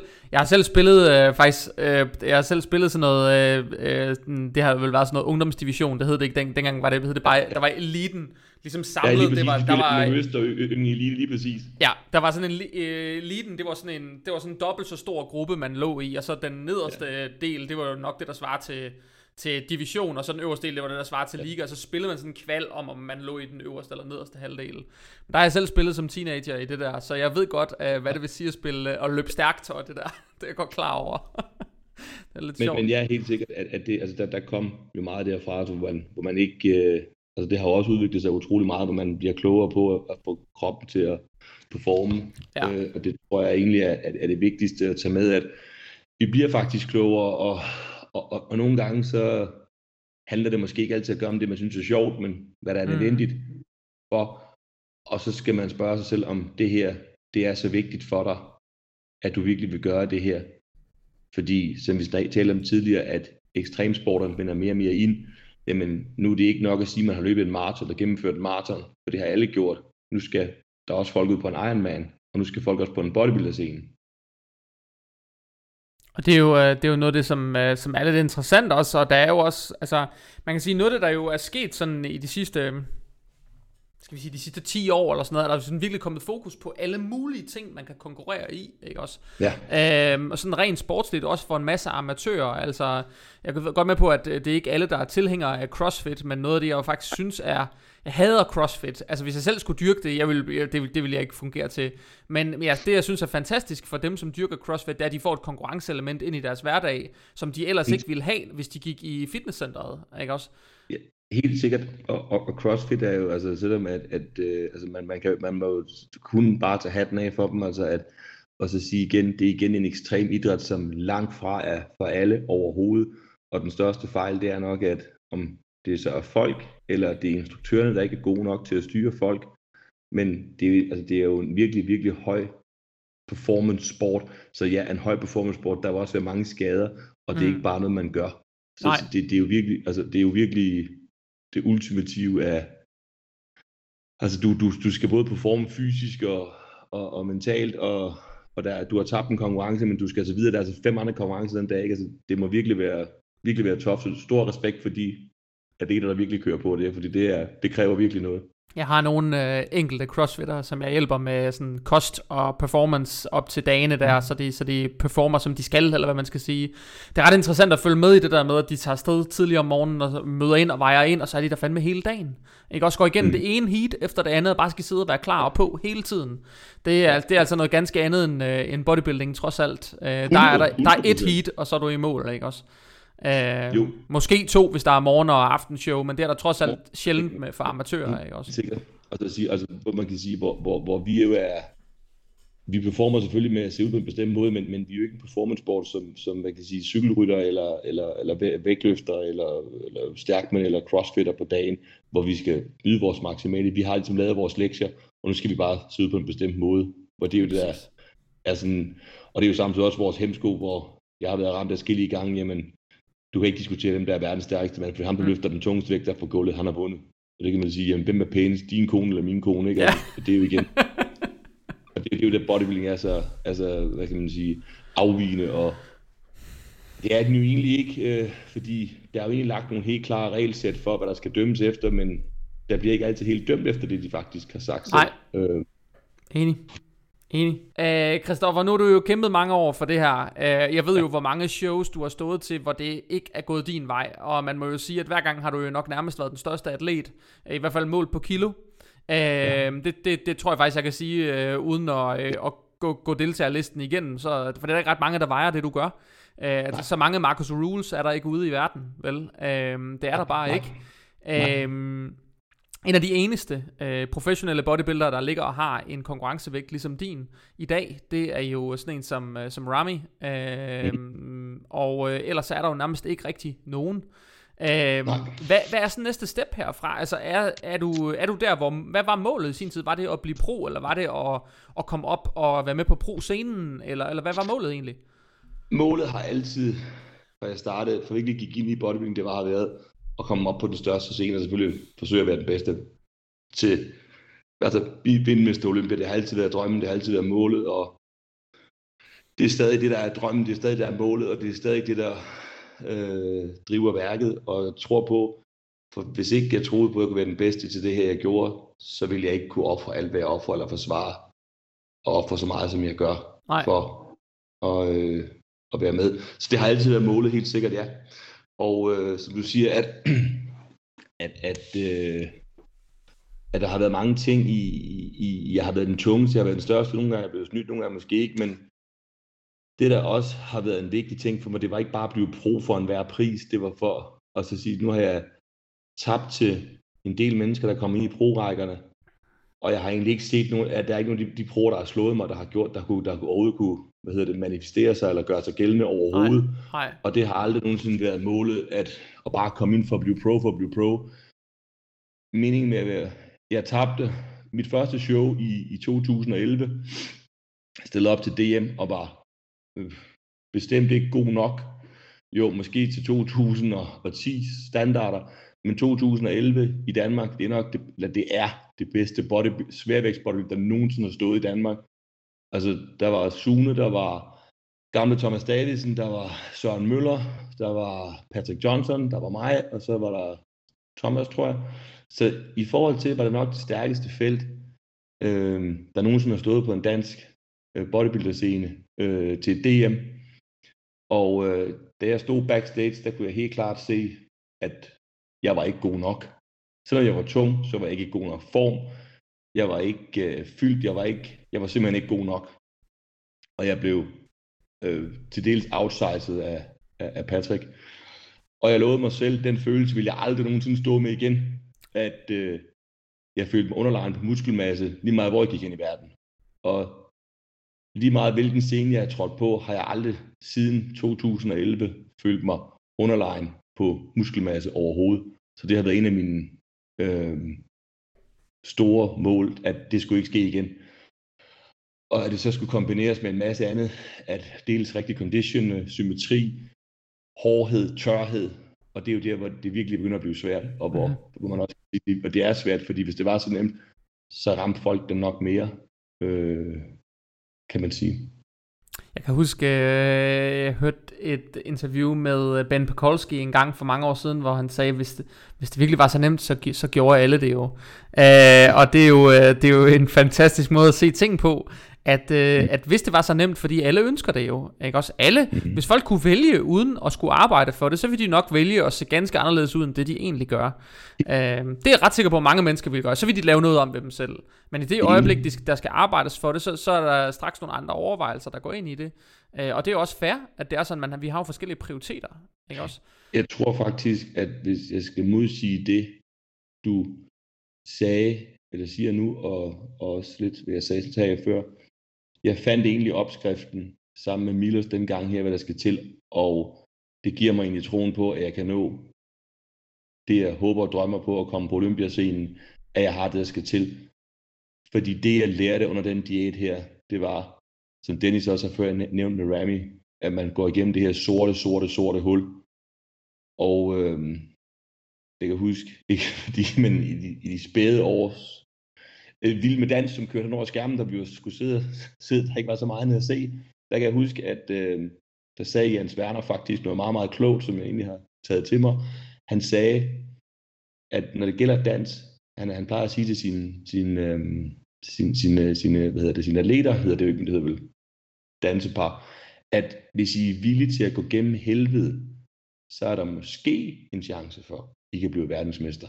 Men der er ingen garanti for, at I bliver verdensmester, fordi I går gennem helvede. Og med det mindset, der tror jeg, man kan nå rigtig, eller der ved at man kan nå rigtig, rigtig langt, fordi at det er virkelig det, det kræver, at du simpelthen, som Jay Cutler han også sagde, at du virkelig tørner kroppen fuldstændig ud, og simpelthen bare giver alt, hvad der overhovedet er. Og han lavede faktisk et interview med øh, hvad, ham og Harley Rambert, hvor han siger, at da han kommer tilbage i 09 og laver det her vilde comeback, jamen, da han så bliver skadet, så kommer tilbage året efter, hvor han siger, at han tager ikke fat i Harley Rambert, fordi han ved, han kan ikke give alt det, det kræver, som han gav i 9, for at komme til sig sådan derud. Og det tror jeg egentlig er nøglen til, hvem har mulighed for, hvem kan, hvem vil give alt det her, for at komme til sig sådan derud den dag. Eller vil du hellere lave 50 gæsteposeringsshow om året og tjene 10.000 dollar hver gang? det, det, det, det, det handler om for rigtig mange. At hvem, hvem vil gå gennem det her sorte, sorte, sorte hul for det her? Fordi det er det, det kræver. Og så kan man diskutere, om kroppen vil være med, fordi der kan komme skader, der kan komme arbejde, der kan komme alt muligt andet, der ikke gør, at du har mulighed for det. Men, men det, det, det er nok det bedste råd, jeg kan give videre, eller tage med, jeg kan tage med i hvert fald. Ja, Altså nu er der jo ikke mange vild med dans referencer i min podcast, er jeg nødt til at sige, Kristoffer. Uh, men, uh, men jeg har faktisk en, uh, en klient, jeg træner, som blev europamester sidste år i, i det, der hedder Tidans, og han ringede til Jens Werner i sidste uge, uh, ja. for at, uh, at få lidt hjælp til at komme med til casting til Vild med Dans. Så, så, uh, jeg vil så sige det sådan, at det er en altså, ting stadigvæk. At, at, at ikke fordi det ligger meget langt fra, men altså den, den måde, det, altså, der er ikke nogen som det er også folk, altså det er en helt anden verden, og det er ikke noget for mig, men altså dyb, dyb respekt for, at man kan det der, fordi det er noget, altså det vil jeg aldrig nogensinde komme til at lære, at de træner hårdt, det gør de, det er ikke nogen tvivl om, øh, men, men ja, Ja, der er faktisk, faktisk nogle ret sjove paralleller mellem det. Man bliver faktisk vurderet på nogle meget subjektive kriterier, lidt ligesom man gør ja. i bodybuilding. Ja. De går enormt meget op i, hvor meget fedt de har på kroppen, og hvordan tøjet sidder på dem og sådan noget. Det yes. er faktisk meget bodybuilding-lignende parametre, man bliver vurderet på. De har bare mere tøj på. Uh, ja. Og de laver noget andet selvfølgelig, men, men det er jo faktisk lidt, det er koreografi, og man bliver vurderet efter subjektive kriterier, så det er faktisk meget lignende bodybuilding, om man så, uh, om man så vil det, det eller ej, ikke? Og, det, det der jo et eller andet sted er med det, det er jo, at, at det som mange mennesker, eller ikke mange glemmer, men, men det er hele pakken, der tæller. Og så sige, jamen, at, altså, så siger, at, at det dansepej, men det er lige fra håret til skoene, til hvordan jakken sidder på ryggen, eller det er jo det samme med bodybuilding det er jo ikke bare et spørgsmål om noget, det er jo hele den pakke, du bringer.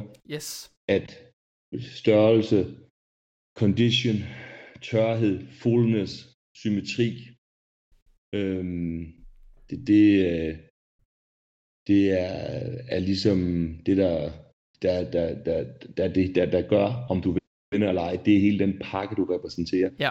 At det hele hænger sammen, at det, og du så kommer med den her hvad det sådan skal, æstetiske, freaky, hårde, fyldte, store pakke, hvad der så bliver vægtet. Ikke? Mm-hmm. Jeg kunne godt tænke mig at spørge dig om en ting, som, øh, som det er ikke sikkert, at du blev spurgt om det før, men øh, jeg tror, jeg spurgte Søren Møller om det her en gang, vi sad og lavede en podcast. Og så tror, jeg spurgte ham om, hvad det koster per måned at øh, jagte den drøm, han jagter. Og jeg tror, jeg vil prøve at spørge dig om det samme, fordi du går til rigtig mange behandlinger. Du spiser ja. tons så meget mad, forestiller jeg mig, hvis du, øh, hvis ja. du har den størrelse, du har. Det må du gøre. Øh, det gør, jeg, jeg, jeg spiser faktisk, en af mine kæpheste, jeg spiser rigtig høj kvalitetsmad.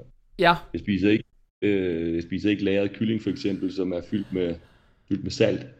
Øh, jeg spiser forholdsvis høj kvalitet oksekød. Jeg spiser rigtige æg. Jeg ved faktisk ikke, hvad jeg bruger om måneden, men, men jeg bruger et ret stort beløb på det, 100% ja. Øh, øh, hvad hedder det? Jeg ved, jeg ved det faktisk ikke, og det er ikke gang bare jeg har faktisk aldrig lagt det sammen, men det er meget, det er bekosteligt, altså det koster mange penge, og, og så sige, vi har alle sammen startet sted, vi startede med at spise tun i vand, eller ja. olie, hvad vi nu havde prøvet, ikke? øhm, så, så øhm, det var dengang, den dåse tun kostede 3 kroner, ikke? Der kunne vi få 40 gram protein. Så, så, så helt sikkert, at, øh, at det er, en, det er en meget dyr sport, og det er det, der gør det svært, men, men altså, alt idræt er jo dyrt, jamen motorsport er også dyrt, indtil du bliver rigtig god, jamen der skal du også betale rigtig mange penge. Ja. Så, så, så det er dyrt, øh, lige meget hvad man næsten foretager sig. Det er jo sådan en, øh, jeg vil lige ved at sige, det, det, det altså en konkurrencesæson for, for en bodybuilder, det er jo sådan noget i den skala af et bud, sådan noget mellem 2 og 300.000 øh, fra ja. min side af. Det vil jeg tro, det er, ja. alt inklusiv med ting. Øh, det, og så skal man ikke tage 10 shows i hvert fald. Det, det kan det meget Altså hvis, hvis du tager en, en, en hel, altså ja, det, det, jeg tror ikke, det er et helt forkert tal. Nej. Fra. Altså nemt, og jeg tror også, det, er meget, det kan være meget dyrere. Det tror jeg også nemt, det kan. Hvad hedder det, hvordan finansierer du det egentlig? Jamen, jeg arbejder rigtig, rigtig meget, og det har jeg altid gjort. Og øh, ja, jeg har haft mit, øh, mit, vagt, mit vagtfirma i, i rigtig mange år, og så har jeg, stået, jeg før det har stået rigtig meget i døren, så jeg har altid arbejder rigtig, rigtig meget, så det er det, der, der stadig finansierer det. Er det, der finansierer det. Så du har et vagt, er det, står du stadig i dør, eller lader du nogle andre om det nej, i dag? Nej, nej, jeg laver ikke rigtig noget. Nej. Jeg sad selv i 10 år, eller næsten 9 år, hver eneste nat på en natklub. Øh, og det gjorde ligesom, at jeg behøver ikke at lave. Så sidder der selv, sidder der selv så meget mere. så det er du folk øh, til? Så, ja. Ja, hvor mange har du, øh, hvor mange har du ansat? Jeg ved det faktisk ikke lige nu, hvor mange vi egentlig har i gang, øh, men det svinger, at corona har drillet lidt, og, så der er sådan lidt, der er lidt, der, lidt udfordringer der. Okay. Men, øh, men det, er det et dansk vagtfirma, eller er det svensk, ja, eller hvad er det? Ja, ja. ja. Så du ligger og pendler frem og tilbage over Øresundsbroen ja, i det daglige, ja, det, eller hvad? Ja, alle de år, jeg har boet, har jeg altid kørt til Danmark, og træner også i Danmark, og egentlig haft, altid haft et liv i Danmark, og jeg egentlig bare bor i Sverige. Øh, okay. Øh, bruger selvfølgelig også Sverige til nogle ting, men, men egentlig kan godt lide området, naturen herover og ja, Malmø okay. er en god Så du ligger og pendler frem og tilbage? Okay, cool nok. Men det er jo, øh, er det, altså der er jo mange, der går den her vej, hvor de siger, når jeg er i bodybuilding, og man snakker meget om, at der er de der lazy øh, bodybuilders, også fordi de egentlig ikke gider op i sofaen, de gider ikke lave noget, de gider ikke passe et arbejde, hvor øh, man er jo nok nødt til at sige, hvis man vil det, så man er i hvert fald nødt til at tjene nogle penge på en eller anden måde, ikke også? Altså man, det kom, man kommer ikke sovne til det. Øh, fordi der er ikke nogen, der kommer og finansierer det for dig længere. Altså de der store kontrakter, de er jo for længst forsvundet. Ikke? Præcis. Og en af de ting, som var mest lærerige, at det var for mange år siden, at der var, da Brandon Swan var i Danmark, hvor han til siger, at vi alle sammen havde en drøm, jamen, at blive rigtig god, jamen, så, så står Joe Witter med en blanko check til dig og siger, hvad skal du bruge? Ikke? Nej, det, det, det, sker, det sker altså ikke. Og, og det er endda blevet endnu sværere nu, kan man sige, hvor at, som sagt, de der store sponsorater, som de virkelig landede dengang, det er noget andet, men de kom jo heller ikke sovende, så det er på nogen måde overhovedet. Nej. Og det gør man jo generelt. Det som Brand sagde til mig i Danmark, jamen byg dit eget firma, tjene dine egne penge, sørg for at være selvfinansierende og kunne finansiere alt, hvis nødvendigt er. Alt, hvad du kan få ud over det, det er godt, men lad være med at satse på nogen, og så sige, jeg er også farmer ligesom brands, jamen i den verden, der får man ikke noget for free, der skal du arbejde for alt. Så det er egentlig altid vokset op med, at hvis jeg vil have noget her i verden, så skulle jeg arbejde for det og det ja. har jeg altid taget med, at øh, hvis du vil noget, så du er nødt til at arbejde, for der er ikke nogen, der kommer og giver dig noget for free. Det er jeg fuldstændig enig i. Jeg synes, det er en god filosofi. Er det, øh, er det med vilje, at du ikke beskæftiger dig sådan med træningsbranchen på den Altså ikke træner mennesker for eksempel, eller laver online coaching, eller et eller andet den stil. Er det, med, er det et bevidst valg? Ja, 100%. Ja. Er det et spørg- spørgsmål om simpelthen at kunne fokusere på det, når du er afsted? Nej, øh, jeg havde, øh, jeg arbejdede faktisk som personlig træner for mange år siden i, det er jo efterhånden 15 år siden i, i Danmark, og byggede faktisk en rigtig, rigtig fin forretning, hvor jeg trænede, og det var før personlig træning sådan rigtig blev lige så kendt som det er nu, øh, hvor vi var ude i centrene, lejede os ind og betalte for vores kunder. Og jeg synes egentlig, det var meget spændende, det var egentlig rigtig skægt, men, øh, men, men for at være sådan lidt, at, at jeg kan godt træne mange mennesker, men det er nok egentlig, at meget af det, der hører med til det der online træning eller noget, det har jeg egentlig ikke rigtig lyst til. Nej. Øh, fordi, ja undskyld, men, men, men jeg lavede på et tidspunkt lidt, og det eksempel, det var, at jeg sendte en kostplan ud til en mand, og så har der ikke engang kørt den en dag, hvor han spørger, om han må spise blomkål ud med broccoli, og siger, prøv at høre, står det på din plan? Nej, godt. Prøv nu bare at spise din plan, inden vi ændrer noget. Og det er nok lidt det der med, at, jamen, at øh, jeg ved selv, hvilken hård skole jeg har gået i for ja. at komme dertil, hvor jeg er. Og hvis jeg skal hjælpe folk, så vil jeg have, at folk er lige så ambitiøse som mig, så er vi igen tilbage ja. til det med, med en sport. At jeg kommer ikke til at stå og klappe dig på hovedet, fordi det er flot, du har spist 6 mil om dagen, for det forlanger jeg, at du kan, hvis du vil det her. Ja. Dit, og, er, din, er din udfordring med det i virkeligheden, at du er af den hårde skole? Ja. Ja, altså forstå, yeah. for, forstå mig ret, men, men det der foregår i dag med især online coaching, som jo er blevet den helt store ting, det er jo, at det, du kan få lov at få lige, hvad du kunne tænke dig, bare du har lyst til at sign op nærmest. Ikke? Ja. Du kan få lov at spise, spise burger og pomfritter hver eneste dag, og skylle ned med milkshakes og køre dig ud af, ikke også? Og ja. det passer måske ikke særlig godt til en fyr af din støbning med det, med det mantra, du har. nok noget nej, at sige. Nej, nej. Ja, det, er, det, det er faktisk rigtig, rigtig godt beskrevet. Meget, meget fint. Øh, meget, det kunne jeg ikke have sagt bedre selv. Faktisk meget fint, at, at det, der har skabt min fysik, det, der har skabt mig, det er, øh, og det er også lidt tilbage til, at, at øh, det, som du sagde med, at, at det ikke er for almindelige mennesker, men at folk skal forsøge at, at lave, jamen at, at hvis du drikker proteinshake, jamen på at den skal bare hældes ned, jo mindre den fylder, jo bedre. Jamen den er lavet som, at det helst skal laves sådan et supplement, at folk sidder og spiser noget, de tror er tiramisu, eller eller er en milkshake, de sidder heller ned, jamen hvis du sidder og craver efter milkshake, tiramisu, eller cheesecake, eller hvad det end må være andre ting, så er du i det forkerte game. Altså, jeg har ikke cravings for milkshake, øh, tiramisu, cheesecake, eller noget, fordi det er ikke brændstof, det er ikke kalorier, der gør min krop godt. Det er ikke med til at bygge mig op igen. Så hvis det, hvis det ikke gør mig godt, why, why do it? Når du og så, kø- så er igen, hvem vil det? Hvem vil det her mest? Vil du det, eller vil du ikke? Når du kører, din, øh, når du kører dine off-season planer, hvor højt op kører du kaloriemæssigt? Jeg ligger ikke meget. Jeg ligger omkring 6,5 6,5 6800, måske maks 7000. Okay, så maks 7000 kalorier. Ikke? Jeg kommer ikke meget over. Jeg, jeg, jeg tror ikke, der er mange mennesker, der har brug for meget mere end 7000 kalorier. Her snakker vi rigtig mad. Vi snakker ikke burger og fritter, vi snakker ikke peanut butter shake, vi snakker ikke... Nej. Det er ris, det er oksekød, det er, ja, det, det, det, det er måske tre shakes omkring træning med noget kulhydratpulver før, efter, under. Øhm, ellers er det rigtig mad. Okay. Det er ikke, øh, altså, du kører, et, du kører ikke den der amerikanske bodybuilder øh, off-season plan med hver andet måltid af, af fast food af en slags for at få kalorierne ind? Nej.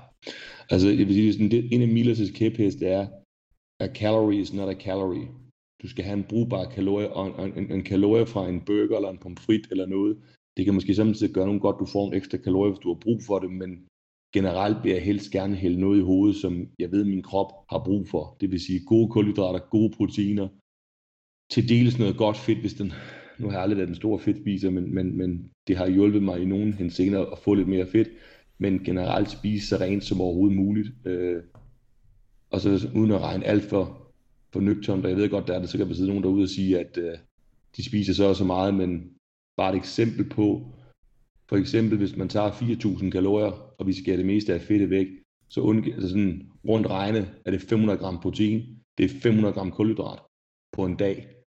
Og hvis du omsætter det til rigtig mad, så er det 2,5 kilo kød, der er 500 gram protein, og det er 800 gram ukogt ris for at få 500 gram kulhydrat.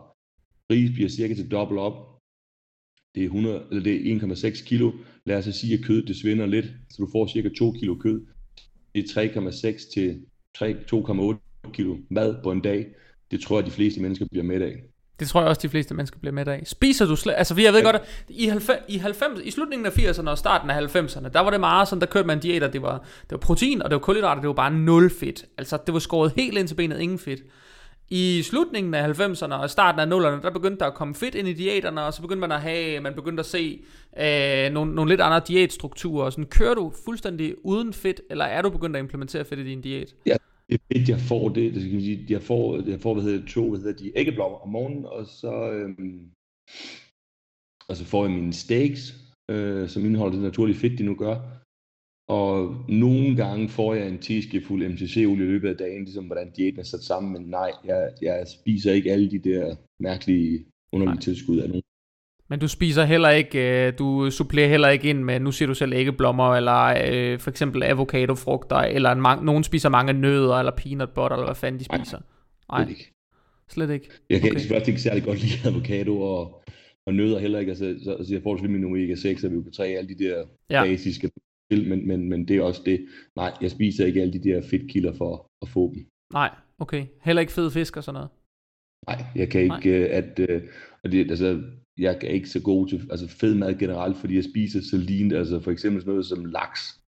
Uh, jeg lavede et eksperiment uh, sidste år med at forsøge at spise laks, og det slog min mave fuldstændig stykker på en måde, så at at det der fede, fede mad, altså sådan typisk dansk mad, det spiser jeg meget, meget sjældent, fordi det slår simpelthen min mave i stykker. Jeg kan ikke tåle alt det fedtbunger. Jeg får det skidt, jeg får det dårligt. Og får du diarré og opkast og alt det der, eller hvad?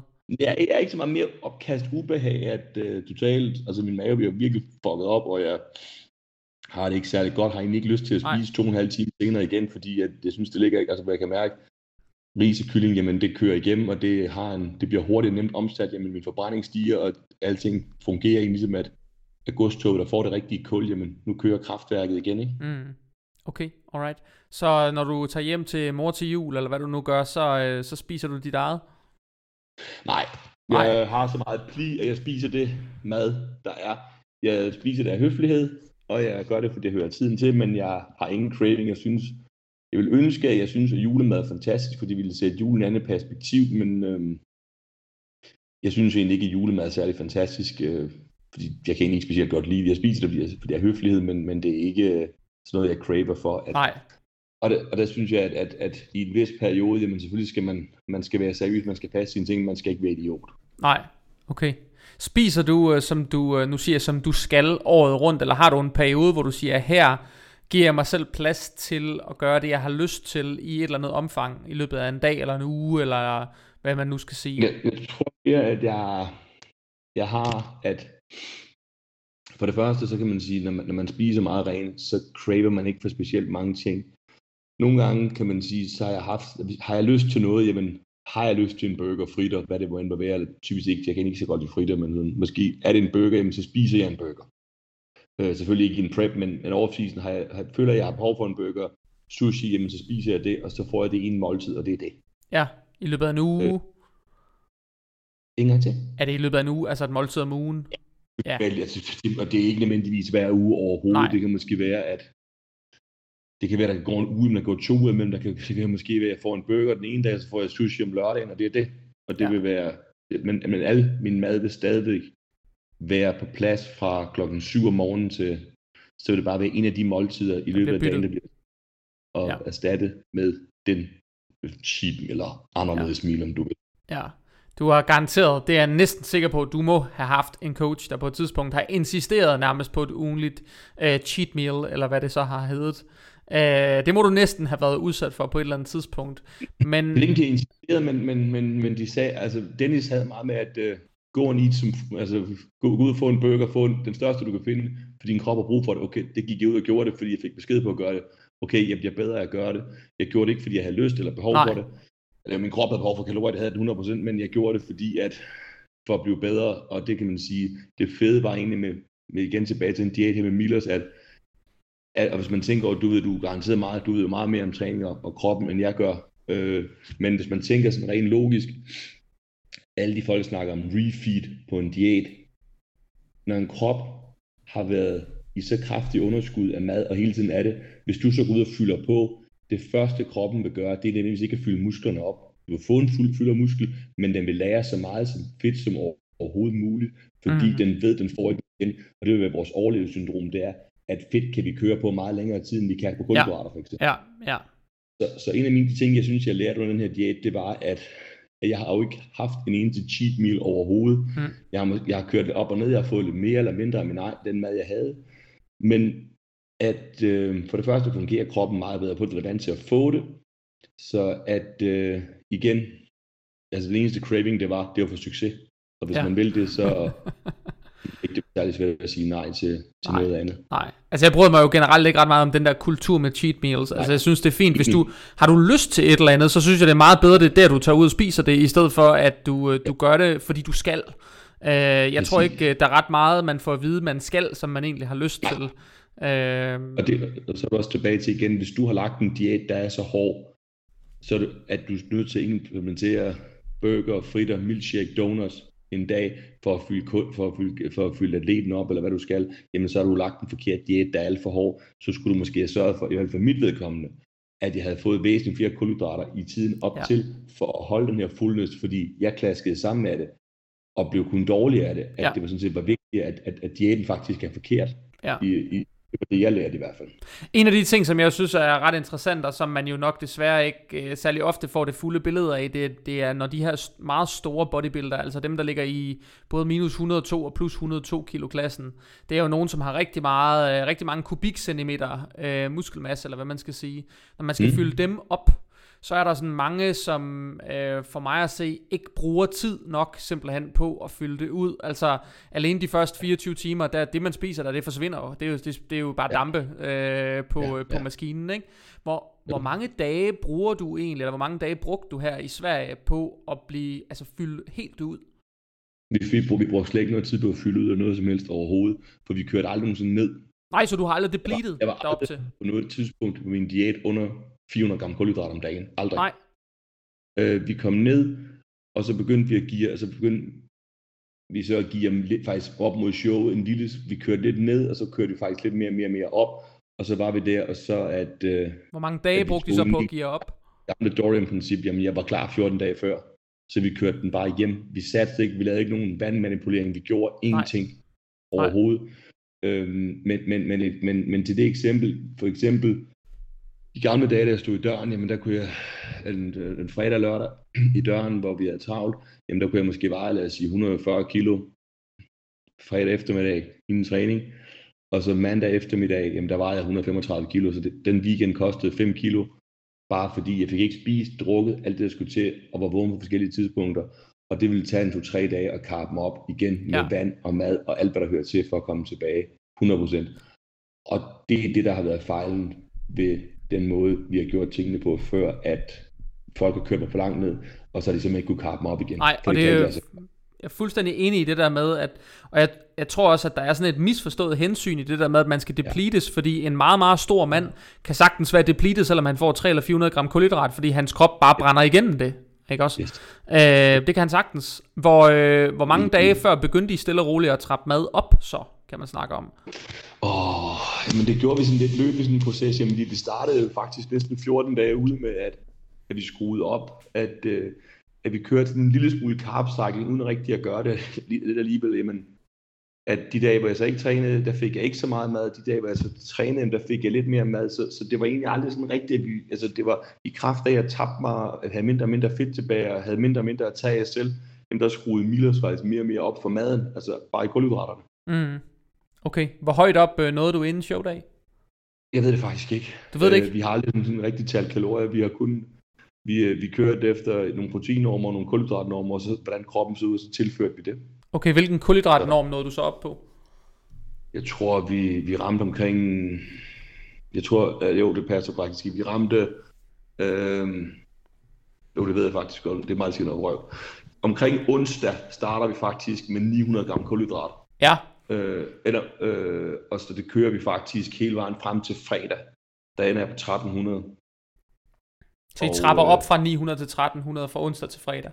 Vi starter på 700, 700, så kører vi helt vejen op til 1300, og så ligger vi omkring, de der 13 falder lidt til omkring 1000.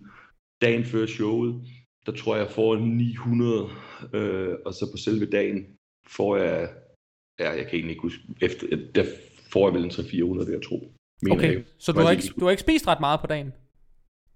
Nej. Nej? Øh, øhm, hvilket, man kan, hvilket er, jeg også mener er det helt rigtige, fordi jamen, øh, for det første, kroppen skulle gerne have blodet ude i kroppen, og det der med at uh, keep the midsection, det ved jeg ikke, hvad det hedder på dansk, men Jo, keep, midtersektionen, ja. midtersektionen Ja. ja. tight. Øh, altså det er ret svært med 15 pakker riskiks og 50 kilo ris, og Ja. Det er ret svært at kontrollere den der. Så der kan man sige, du skulle gerne være klar, du skulle gerne være fyldt og have det, der skulle til i kroppen, så ikke Ja. du skal til at gøre alt muligt mærkeligt med vandmanipulation, øh, insuliner og drikken af forskellige drikke og underlige ting for at være klar. Fordi så er det, det begynder at blive for teknisk. Ja, en, Øh, en, et, et, øh, et spørgsmål, som jeg tror, mange har det sådan, at ja. De bliver bedt om, at du må ikke drikke vand på den dag, hvor du skal stille op, og hvor jeg tænker, det, er det er jo måske ikke så smart at lade være med at drikke vand. Hvor, Nej. øh, hvor meget væske Og- fik du på dagen? Øh, og, det, og det er helt klart en meget, meget stor misforstået ting, og til at sige, at alle de tidligere dem, der har, når folk er slukket for mit vand, jamen så er jeg klasket sammen Yes. med det samme. og, øh, og hvad hedder det, jeg har drak i dem, for jeg var tørstig, jeg var varm, og jeg var lidt sulten, men så jeg har vel drukket hele vejen op igennem diæten, har jeg vel drukket et sted mellem 6 til 9 liter vand på, dag, på, på dagen, som hvordan dagene var. Men til sidst drak jeg i hvert fald noget ekstra for at drikke. Jeg drak op at drikke 9 liter. Og så øh, drak jeg ind til, til søn, vi var på om søndagen til lørdag aften, slukkede vi for vandet klokken, klokken halv 10, og fra klokken halv 10 til ind til showet, der fik jeg en halv liter vand. Og så fik jeg en halv liter vand imellem prejudging og, og finalerne. Øh, det var det, sådan set. Okay. Hvornår, hvad tid på dagen var du så på? Øh, vi var på om formiddagen klokken, klokken, klokken 11, tror jeg, så det har været små 12 timer uden vand. Ja, så er det derfor, du har kunne Jeg- køre, så, det er derfor, det er derfor, du har kunne slukke for vandet på det tidspunkt. Ja, eller slukket, eller jeg drak, eller drikke efter behov, sip, ja. skylle munden, og så sige, at, at jeg har egentlig lært at være uden vand længe. Ja. Så det var ikke, fordi det var den, det var, det, var- det var egentlig ikke, altså det første gang, jeg var uden vand, der var jeg lige ved at dø. Øh, og troede, jeg skulle dø.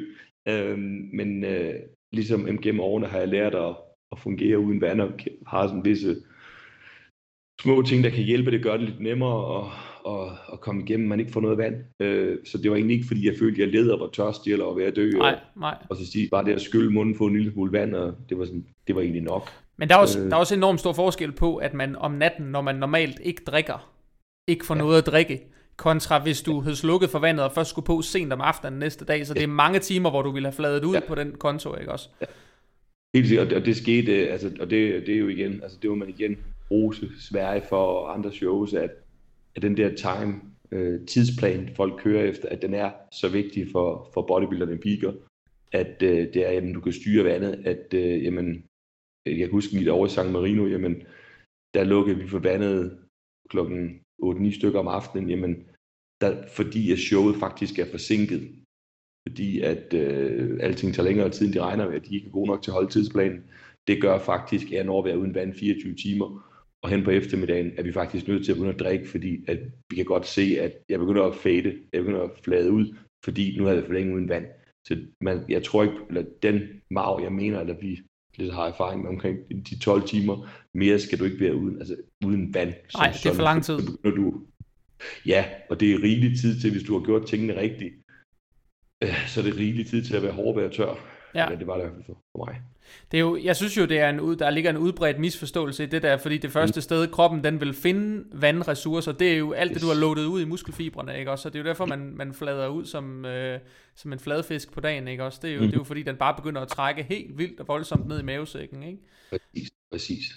Og så samtidig igen tilbage til det, du sagde tidligere med, med at jo mere du tilfører af tørre kulhydrater, øh, øh, som der også er en, en teori omkring, at jo flere kulhydrater du fører ned, så vil den trække vand ned for at forsøge at omdanne de her kulhydrater. Jamen, du kan ikke optage de her kulhydrater uden vand, så Nej. det er egentlig sådan en underlig, mærkelig, sådan, misforstået øh, ja, Jeg ting, synes jeg. Kan huske, jeg, mød, kan, kan huske, jeg stod backstage til et show en gang, hvor der var sådan en lille fyr, som, så jeg kan huske, om der trænede ham, men han var blevet bedt om at spise øh, havregryn uden noget til. Altså helt tør havregryn med en ske, du ved, fra en pose, ikke? Fordi det skulle bare suge så meget vand i hans krop, og han måtte ikke få noget at drikke, var bare tænke, hvor skal du få vandet fra så? Ikke også? Øh, det skal ja. jo komme et eller andet sted, så kommer du jo ikke ud i den anden ende, vel? Altså, du, du optager det ikke, og det eneste, du, du fucker din mave op, og du optager det ikke, og du laver en, en klump i din mave, du laver en betonklump, der bare sidder fast. og, og sådan lidt igen, at, at jamen, jo mere velfungerende din krop kan fungere, alt flosser igennem din mave fungerer, at du kommer på toilettet, du slipper vand, jamen, jo mere velfungerende du er, jo bedre ser du ud, og jo bedre har du det, og jo bedre performer du, og det ja tror jeg egentlig er, er en meget vigtig ting at tage med. Ja, fedt. Stærkt. Jamen, jeg er glad for at høre, at, øh, at de der sådan, filosofier og tanker og sådan noget, det faktisk er noget, du, øh, du deler. Fordi det, øh, jeg tror egentlig, det er ret vigtigt. Jeg tror, der sidder ret mange unge bodybuildere, der lytter til det her. Det ved jeg, der gør. Som, det håber jeg, der er, for det, det, der er i hvert fald en masse ting, der kan ændre sig og gøre det meget anderledes. Men, men igen, så handler det jo om, at, at, at, at, øh, at, at det, hvis man skal rådgive unge bodybuildere, håber, der hører med, og hvis jeg kan give lidt tilbage, så vil jeg være glad. Men, men fordi at en, en træner har stået på en scene en eller to gange, og, og så er vi igen tilbage til, at hvorfor du spurgte, for jeg ikke træner folk, jamen, at jeg er god til at træne mig selv. Ja. Hvorvidt jeg vil være god til at træne andre, det ved jeg ikke, fordi jeg tror ikke, der var mange andre, der synes, det ville være sjovt at gøre det, jeg gjorde. Øhm, og det, det handler om, det er jo, at den der erfaring med, at jamen, hvem har erfaring til at se, hvad har den enkelte atlet brug for? Men jeg tror det, faktisk, der er en ret valid pointe i, at bare fordi du nødvendigvis er en god atlet, er du ikke nødvendigvis en god træner. Ja, og... altså, det, det, det er ikke. Altså, jeg har jeg spillet håndbold sammen med folk selv. Altså, Ulrik Vilbæk, jeg ved ikke, om han nogensinde kan kaste en håndbold, eller jeg kan huske i gamle dage, der havde de Mick Hagenbo, som, som var inde i FVF, jamen, han var simpelthen så stor og tyk, og jeg tænker, første gang jeg ser ham til, der var inde til plantræning, jamen, der tænker jeg, altså, hvad fanden med ham der, man? Han sad med sit board, altså han var jo simpelthen så teknisk dygtig, det var helt forfærdeligt. Altså, han var jo simpelthen, han vidste jo alt, hvad der, altså, han var jo enormt dygtig, en enormt ja. dygtig træner. Og der mener jeg jo så, at en, en, en, en dygtig træner, det er en, som da jeg stod i lære som landmand for eksempel, at øh, jamen, den bedste arbejdsgiver, jeg nogensinde har haft, jamen, ringe, jeg havde et problem, jamen, så kom han selv og viste mig, at du gør sådan, sådan og sådan, for han har selv været der. Og det mener jeg jo, at, at, at øh, mange af de her proer, jamen, hvis de ville være ærlige om, hvad, hvad de egentlig gik igennem for at komme dertil, så ville de hjælpe mange atleter øh, og også trænere øh, for, for den erfaring, der egentlig er at give videre i sige på, at det er nu, det er hårdt, det er nu, du skal blive med at gøre sådan, det er de her udfordringer, du kommer med her og der, at, det gælder jo alt sport, hvad man ja. laver. Men en mand, der har en erfaring, der selv har prøvet, og, og, og så Bjarne Ries er jo en enormt dygtig sportsdirektør. Han har selv siddet og cyklet, han har selv siddet og gjort, han ved alle de her ting. Han har selv gået hele vejen, jamen det er jo en utrolig utrolig dygtig mand, kan man sige, og det er en mand, man må have respekt for, fordi han har selv været der, i stedet for at sige, what the fuck did you know, altså. Har du nogen, du har aldrig nogensinde været her, altså, du har aldrig nogensinde prøvet at være simpelthen så tørstig, at du sad og filosoferer om bare at kunne drukne i vand, ikke, altså. Øhm, men du har måske en teori omkring det, ikke, at, øh, jo, jo, hvordan jo. jo. Men det, jeg tror, der er, jeg tror faktisk, det kan være lidt begge dele. Altså bare fordi man har prøvet en hel masse, bliver man ikke nødvendigvis god til at formidle og, nej, øh, og dem, som ikke har prøvet noget som helst, kan være de, de bedste formidlere i hele verden, ikke også? Så, øh, så jeg tror, der, der er langt imellem, hvad der nødvendigvis skaber den gode træner eller den gode coach, ikke også? Helt sikkert. Det er der. Og, og samtidig også, det har, det har, altså det har, det har helt klart et, et, et spørgsmål om, om, hvad hedder det, om kemi. Mm. Øh, altså, hvad, hvad har den enkelte, hvordan fungerer du sammen med den enkelte? Jamen, hvad, hvad, hvad, hvilken hvilken kemi har man, og, og, og hvad, hvad, hvad, hvad vil man... Altså, at, at, at, at kunden kommer med de rigtige feedback til, øh, til, til, til, til, til træneren, så han kan lægge planen, men samtidig også, at træneren står kunden, hvor, hvordan kunden skal behandles, eller ja, ja, eller ja. atleten skal behandles. Enig. Enig. Det er nok, Jamen, det, er nok øh, det, der er det, er det allervigtigste for at lave en, en succes. Fedt. Christoffer, øh, normalt så stiller jeg altid folk et afsluttende spørgsmål. Det har du nærmest svaret på, øh, fordi jeg spørger dem altid, hvis der er noget, du skulle give videre til andre, der lytter til det her, noget de kunne lære af, øh, som de kan tage med videre til, til deres egen træning eller deres egen proces. Hvad skulle det så være?